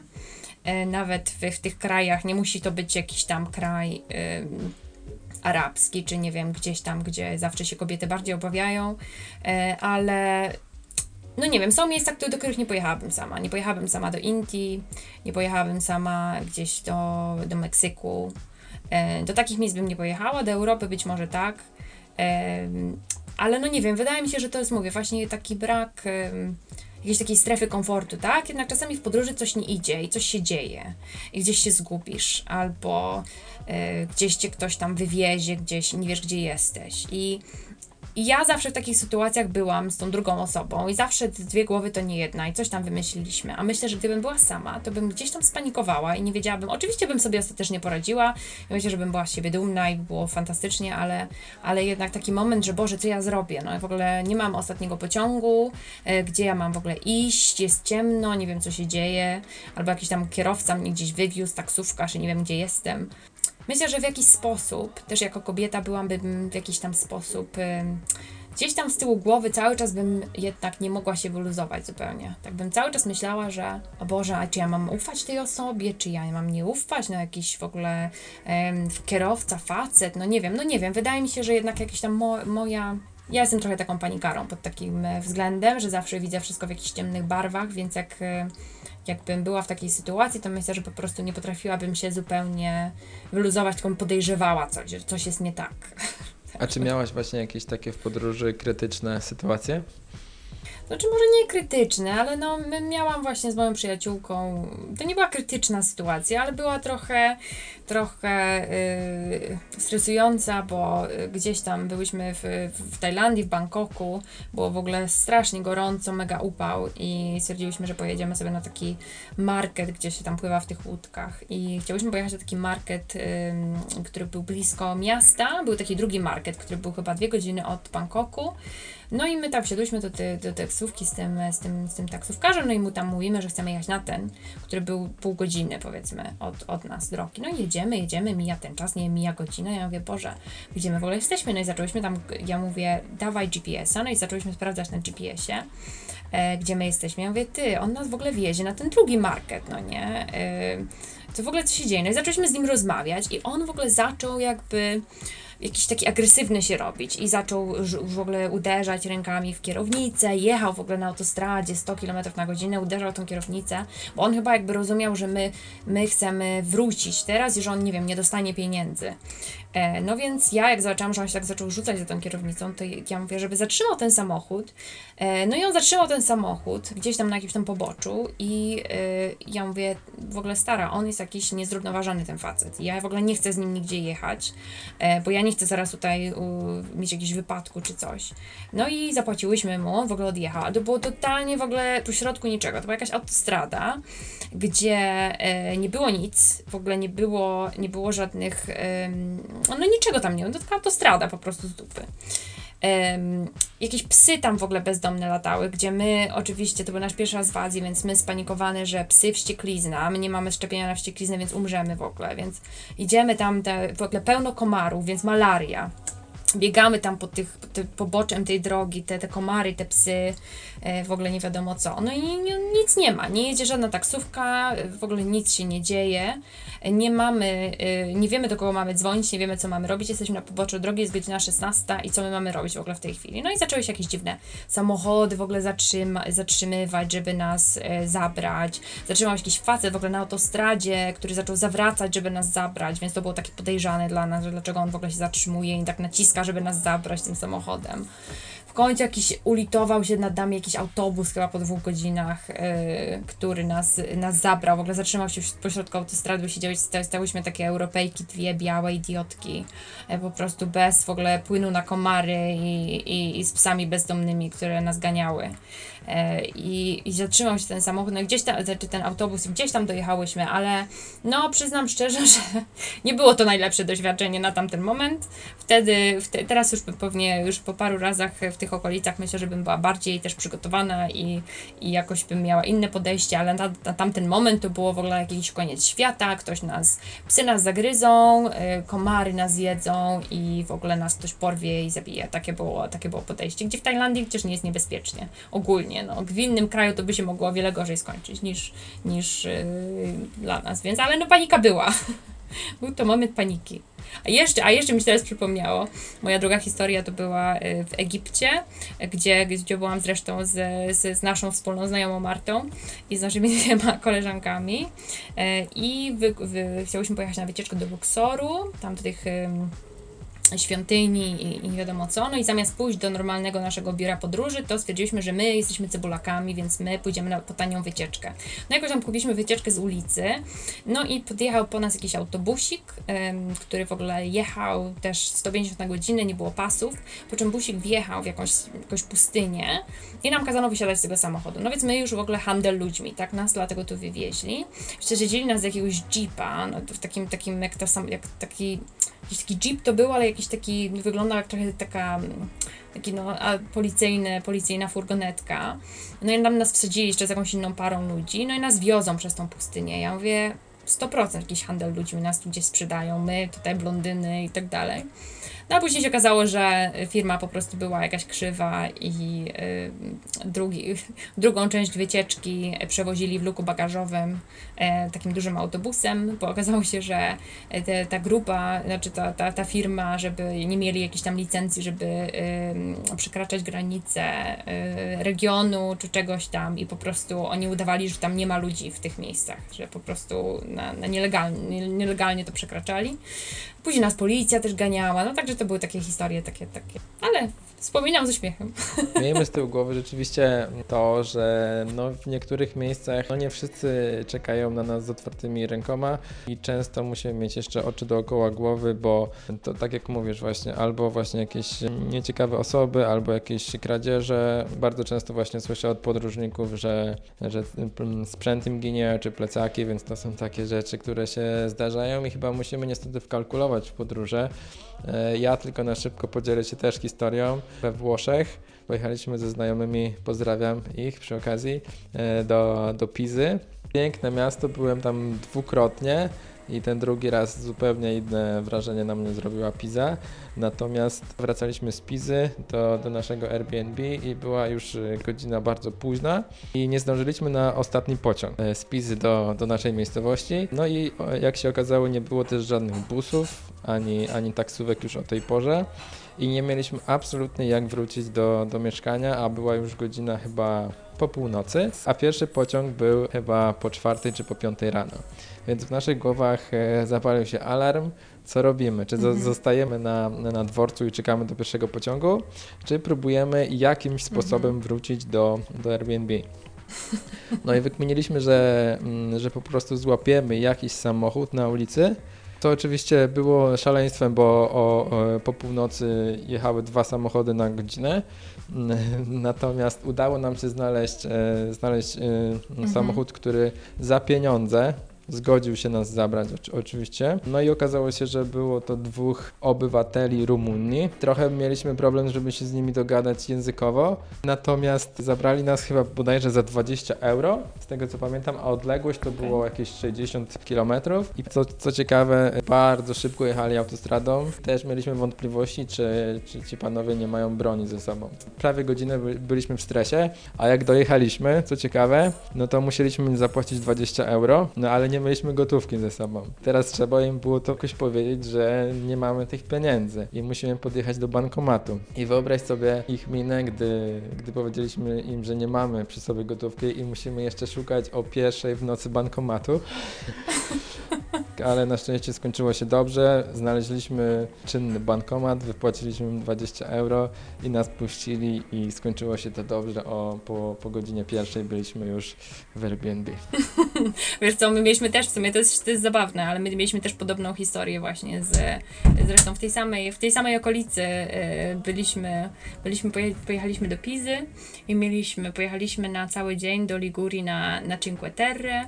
E, no i fajnie, no i też tak sobie usiedliśmy tam w jednej z tych miejscowości, zjedliśmy sobie w ogóle kolację, cudownie, coś pięknego i, e, i, i, i mój chłopak mówi, no słuchaj, to, to, to, nie musimy się spieszyć na ten pociąg, pojedziemy kolejnym. No i pojechaliśmy ostatnim pociągiem um, i okazało się, że pociąg, który właśnie mieliśmy złapać z tego miejsca do Pizy, z powrotem, gdzie był nasz nocleg, um, pociąg był tylko z, e, z zabukowanymi miejscówkami. To był pociąg, który w ogóle jechał przez cały kraj, gdzieś na Sycylię chyba, nie wiem. No i pani, taka, taka fajna pani, śmieszna, powiedziała, że no nie możemy wejść do pociągu, tak? No i to była godzina 23. No i mówimy, no, no co, no następny jest o drugiej, okej. Okay. Mówimy, dobra, pójdziemy sobie tam do jakiegoś baru, posiedzimy sobie w tym barze, nie wiem. No już o drugiej tacy zmęczeni i czekamy na ten pociąg. Pociąg, dwie godziny opóźnienia.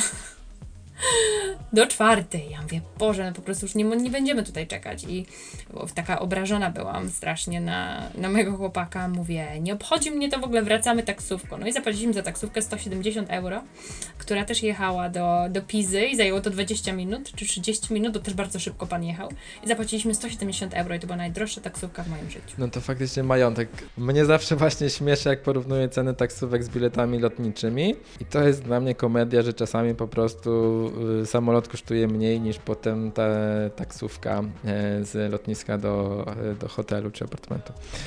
Dobrze, Julia, e, wspomnijmy jeszcze kończąc wątek podróżniczy, bo moglibyśmy gadać i gadać i gadać. Natomiast chciałbym jeszcze sekundę zahaczyć o podróże wewnątrz kraju. Czy Anglia jest krajem, gdzie można podróżować w jakieś fajne miejsca wewnątrz kraju?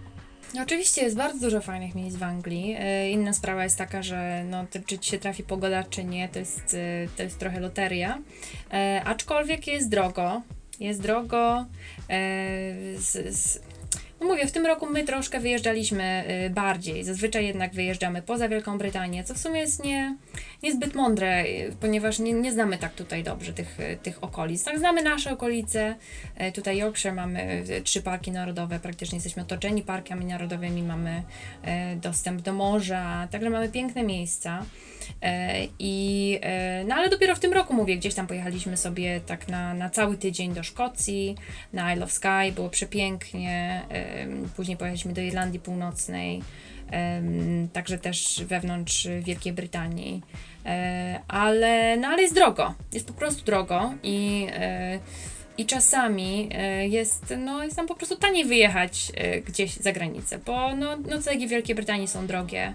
Także no, to, to jest taki jakiś tam mankament, tak? Wiadomo, wszyscy jeżdżą do Londynu i zazwyczaj w pewnym sensie w tych miastach, w dużych miastach jest taniej, bo jest więcej możliwości noclegów, jest większy popyt na to. A gdzieś tam tutaj, jak my byśmy sobie chcieli wyskoczyć, e, nie wiem, z psem na weekend e, gdzieś, gdzieś w okolicy, no to, to te ceny są wyższe i, i po prostu taki, taki wypad nas, nas kosztuje zdecydowanie więcej. Także no, mamy namiot, ale jeszcze z niego nie korzystaliśmy, także można, można sobie jeździć na kemping, yy, zakładam, ale no, ale mówię, no też pogoda nie sprzyja czasami. Tak? A jakie są Twoje ulubione miejsca w Wielkiej Brytanii? Takie, w których byłam do tej pory, no to Szkocja jest moim e, ulubionym miejscem. Zdecydowanie e, jest przepiękna. Edynburg jest moim ulubionym miastem w, Wielkiej Brytanii. Także gdybym miała się gdzieś przeprowadzić do dużego miasta, w tej chwili nie mieszkam w dużym mieście, ale gdybym się miała przeprowadzić do dużego, to bym się przeprowadziła do Edynburga. E, no i mówię, to Isle of Skye, na którym byliśmy teraz e, we wrześniu, było po prostu przepiękne. Taka, taki trochę właśnie miks Islandii z, z wyspami owczymi. E, no coś, coś pięknego, natura. E, i, i oglądaliśmy delfiny i oglądaliśmy e, foki w, w, w, naturze i w ogóle no coś, coś pięknego, naprawdę coś pięknego. Także to jest taka moja ulubiona część, ale mówię, no nie znam też aż tak dobrze. Znam dobrze e, Yorkshire, tutaj gdzie mieszkamy, Londyn, wiadomo, Bristol. Um, ale, no, ale na pewno jest więcej miejsc, które bym chciała odwiedzić. No tylko mówię po prostu, po pierwsze jest daleko, na przykład Cornwallia jest takim miejscem, które bym chciała odwiedzić, ale jest daleko, jest drogo. Więc ostatecznie, kiedy przychodzi to do czego i mam gdzieś spędzić tydzień, to, to wybieram gdzieś poza, granic poza granicami, bo jest taniej. Mhm. A powiedz mi, jak wyglądają koszty, koszty mieszkania, tak jeszcze yy, pokrótce, w tym rejonie, gdzie ty mieszkasz? To znaczy tak, no zależy gdzie się mieszka. Akurat jest, no, jest dość duża różnica, ponieważ my mieszkamy w takiej miejscowości dość, nie wiem jakiego słowa użyć, takiej dość bogatej, gdzie mamy wyższe czynsze niż w innych częściach. Tutaj jest tak typowo raczej, to jest taka Anglia, taka konserwatywna, taka Anglia biała. Anglia, tu gdzie my mieszkamy, konkretnie w miejscu, w którym mieszkamy. Także wszystko jest pięknie, jest czysto i są pięknie zadbane y, y, kwiaty i wszystko cudowne i po, y, no zadbane po prostu. Ale no nie wiem, gdzieś w Leeds na przykład, gdzie też mieszkamy 30 minut, 40 minut od Leeds, no to już nie jest, to już nie jest rzeczywistość i no o, o dziwo Leeds, które jest o wiele większym miastem, ma tańsze domy i tańsze czynsze niż tu, gdzie my mieszkamy. Więc mam, mam dużo jakichś znajomych w pracy, którzy po prostu musieli kupić domy w Leeds, bo nie było ich stać tutaj, żeby kupić te domy, bo są po prostu drogie. Także, no nie wiem, dla porównania, y, my płacimy w tej chwili czynsz 700 funtów miesięcznie samego czynszu. E, no mamy dwie sypialnie i mam taki domek osobny i mamy ogródek i także, także tyle nam wystarczy, ale E, no nie wiem, moja e, szwagierka, siostra mojego, mojego partnera mieszkała no trochę na południe od nas, półtorej godziny od nas. I za taki sam czynsz miała dom, nowy dom, w jedną sypialnię więcej, także wykończony, w ogóle w środku zrobiony i tak dalej. Za taki sam czynsz, tak, godzinę stąd. Także myślę, że płacimy więcej niż byśmy płacili gdzie indziej. Ale oczywiście porównaniu na przykład do Londynu, no to wiadomo, że płacimy tanio. Mamy właśnie znajomą w tej chwili, która nas odwiedziła z Londynu, póki jeszcze nie były wprowadzone restrykcje, która właśnie w ogóle załamuje ręce, ponieważ my płacimy mniej za nasz dom, za cały dom, niż ona płaci za jeden pokój w Londynie. Także wszystko zależy relatywnie od, od, od innych. A, a powiedz mi, jeśli chodzi o północną Anglię, to powiedziałabyś, że to jest raczej region bogatszy, biedniejszy względem południa, gdzie jest Londyn, czy, czy jakoś to się u Was różnicuje, tak jak w Polsce, no nie wiem, że mamy, u nas jest taki podział trochę wschód-zachód, taki trochę nie, nieformalny, jak, jak to u Was jest? To znaczy u nas jest e, podobnie, to znaczy ja no nie, nie mieszkałam nigdzie indziej w Anglii, więc jakby i w dodatku mówię, mieszkamy w takim miejscu e, dość e, bogatym, tak, gdzieś tu w okolicach mamy Daniel Craig, ma dom, takie to, no to jest taka okolica dość, gdzieś tam się idzie ulicą, to widać fajne samochody i tak dalej. Więc dla mnie to jest jedyny jakby przekrój, który ja znam. Um, ale ogólnie e, północ jest uznawana za biedniejszą w Wielkiej Brytanii, południe, okolice Londynu, jakby wszystko skupione na tej części. Nawet jeśli teraz chodzi o pandemię i nawet jeśli chodzi o jakieś, e, o to, to, jeśli chodzi o to, co, co media mówią na temat pandemii, wszystko skupione wokół Londynu. jak Londyn wszedł w trzecią strefę, u nas są, są strefy, jeśli chodzi o, o, o pandemię. Jak Londyn wszedł w trzecią strefę, to w ogóle coś się nie działo. W każdej telewizji opowiadali, jakie są zasady i w ogóle, bo e, Londyńczycy nie zrozumieją. A tutaj, nie wiem, na północy e, już było parę dużych miast, które już od dawna były w trzeciej strefie. Jakby nikt się nie przejmował, to po prostu było tak, o dobra, tam oni sobie coś tam robią, tak? Także jest na pewno takie, ja tego nigdy nie widziałam, ale na pewno jest taki przekrój sposób, jaki, jaki e, południe myśli o północy. E, na pewno, na pewno to istnieje. E, no ale mówię, no ja nie mam jednak takiego. Gdzieś tam byłam w paru miejscach w Jokrze, które trochę mnie przestraszyły.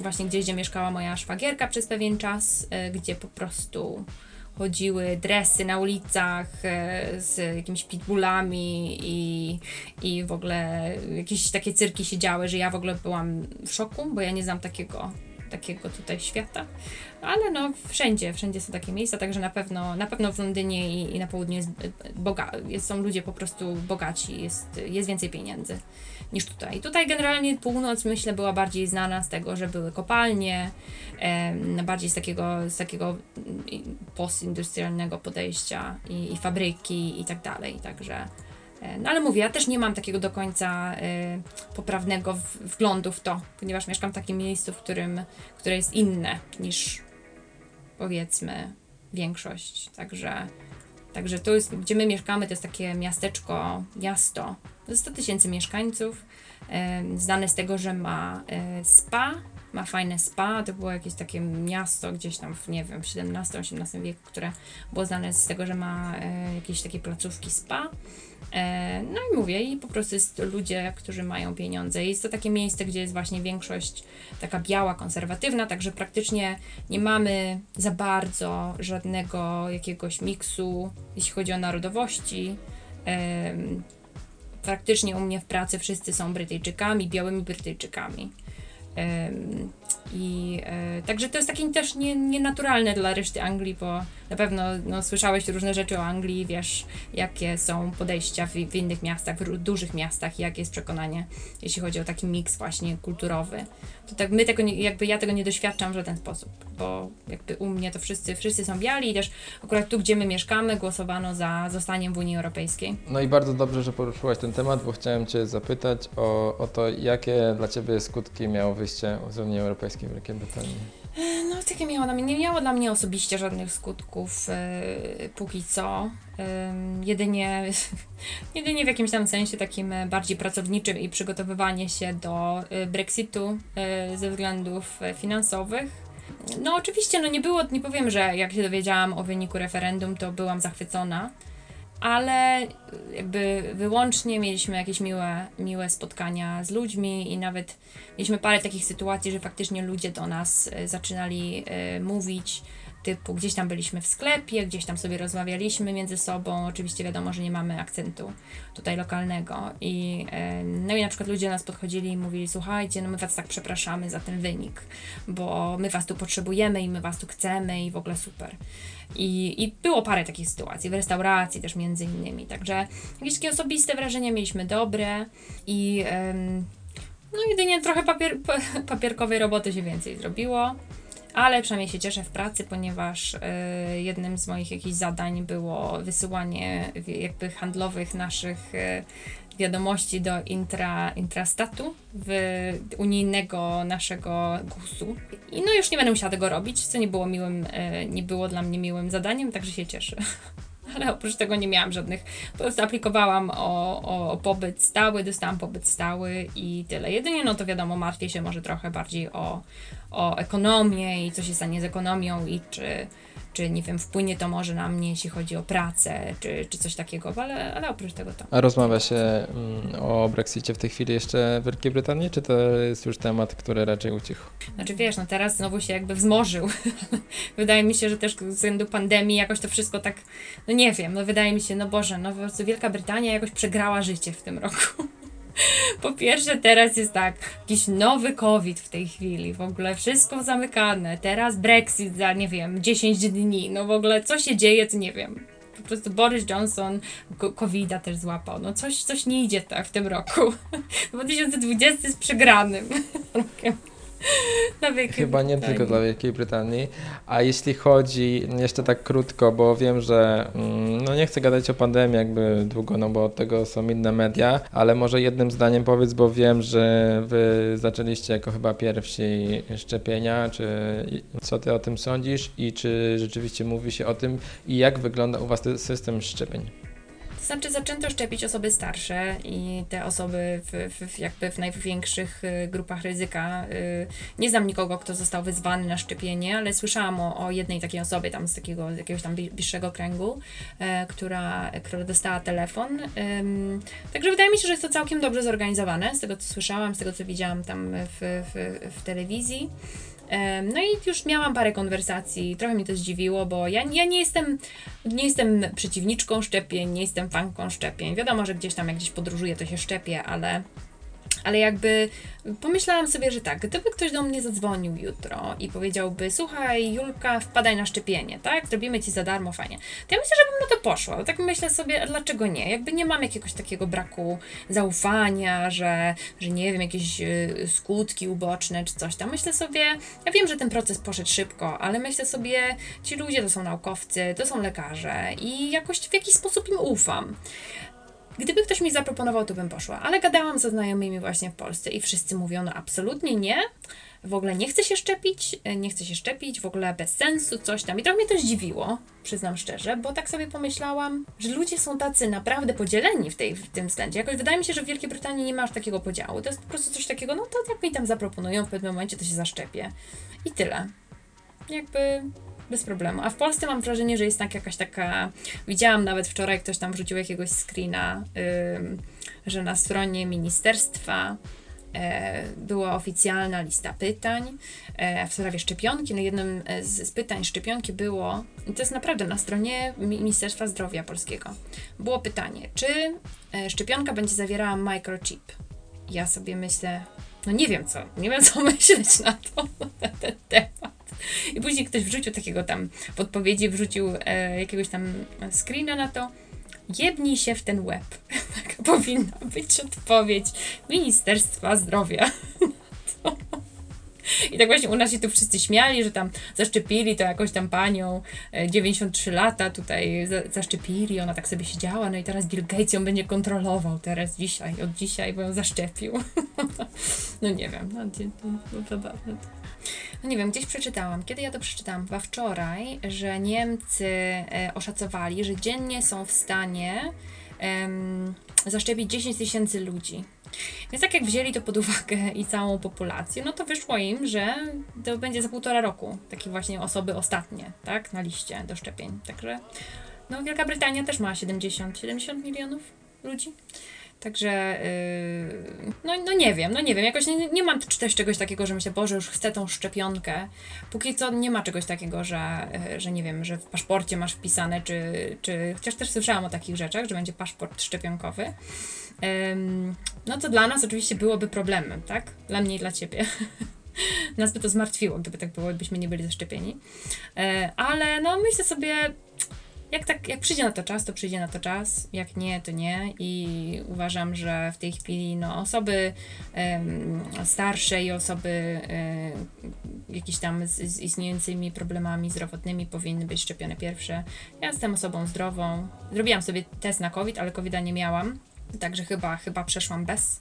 Aczkolwiek z tego co słyszałam, to powiem Ci, że w, w, w w Polsce o wiele więcej z moich znajomych miało, albo podejrzewa, że miało, albo wyszło im e, przeciwciała. Tak to osobiście tutaj nie znam nikogo, komu by wyszło pozytywny COVID. Ale no nie wiem, też kwestia tego pewnie, gdzie mieszkam. Mieszkam trochę na wsi, więc e, za bardzo tutaj też nie ma tak, żeby się zaraz zarażać, nie wiadomo. A jak łatwo można robić u Was badania i czy one są płatne? Jest bardzo łatwo. Ja, u mnie to było tak, że ja ym, gdzieś, nie wiem, z miesiąc, z półtora miesiąca temu może, zaczęłam mieć trochę kaszel i zaczęłam. Ym, czekaj, zaczęłam mieć kaszel. Coś jeszcze miałam jakiś jeden objaw. A, miałam trochę stan podgorączkowy, ale bardzo delikatny. E, no i weszłam sobie, włączyłam sobie aplikację naszą, tak z ciekawości, bo byłam w ogóle ciekawa, co w tej chwili kwalifikują jako COVID, czy to się zmieniło. No i weszłam sobie tam w tę aplikację, taką mamy aplikację, która jakby na bieżąco śledzi, czy jesteś w kontakcie z osobą, która ma COVID i wtedy cię powiadamia i musisz się izolować. Więc mam taką aplikację, no i tam wpisałam sobie, że właśnie mam tę kaszel na jakąś tam lekką gorączkę. I moja aplikacja w 3 sekundy mi zmieniła na izolację. Po prostu koniec, nawet nie musiałam mieć żadnych y, zmian w smaku, w węchu. Zmieniła mi, że się muszę izolować i że mam test. Dostaję jutro test. No i przyszedł mi test pocztą. Zrobiłam sobie test, odesłałam, miałam następnego dnia wynik i tyle. Jak wpisałam test, że mam negatywny, to mi aplikacja skasowała izolację. To jest zupełnie inne podejście i robienia testów. Rzeczywiście brzmi to bardzo prosto. Przez cały rok nie zrobiłem ani raz testu. Może nie miałem podejrzeń, ale no były takie sytuacje, gdzie chciałbym sobie zrobić i to było bardzo, bardzo utrudnione. Ja wiem, bo moja mama, która zresztą przecież pracuje w szkole, miała, y, trochę się nie, właśnie nie bardzo czuła i też miała gorączkę i kaszel. Y, I ja mówię, no mamo, no to, to no, musisz sobie test zrobić. Tak moja mama mówi, no ale wiesz, no to nie jest takie proste, to trzeba zadzwonić do lekarza rodzinnego, ale ja nie mam zmian w smaku i w węchu, więc mi nie dadzą. I później słyszałam tam od jakichś tam znajomych, że ludzie kłamali, że mieli zmiany w smaku i w węchu, a później to już poszło w drugą stronę, że ludzie nie chcieli się izolować i po prostu nie robili sobie testów, mimo że wiedzieli, że y, mają covid prawdopodobnie.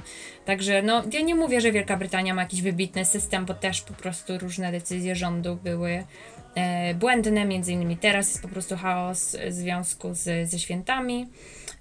Także no, wiele ludzi niestety zostaje bez osób, spędza święta same. W Londynie jest masakra. No ale, ale mówię, że na pewno jeśli chodzi o testy, to te testy były dostępne, były za darmo i, i, i ci pracownicy, tacy typu tam nauczyciele i ci, którzy pracują w żywności, e, mogą sobie robić testy to, co tydzień. Mają po prostu to dozwolone. Więc w mojej firmie na przykład e, pracownicy produkcji robią sobie testy co tydzień.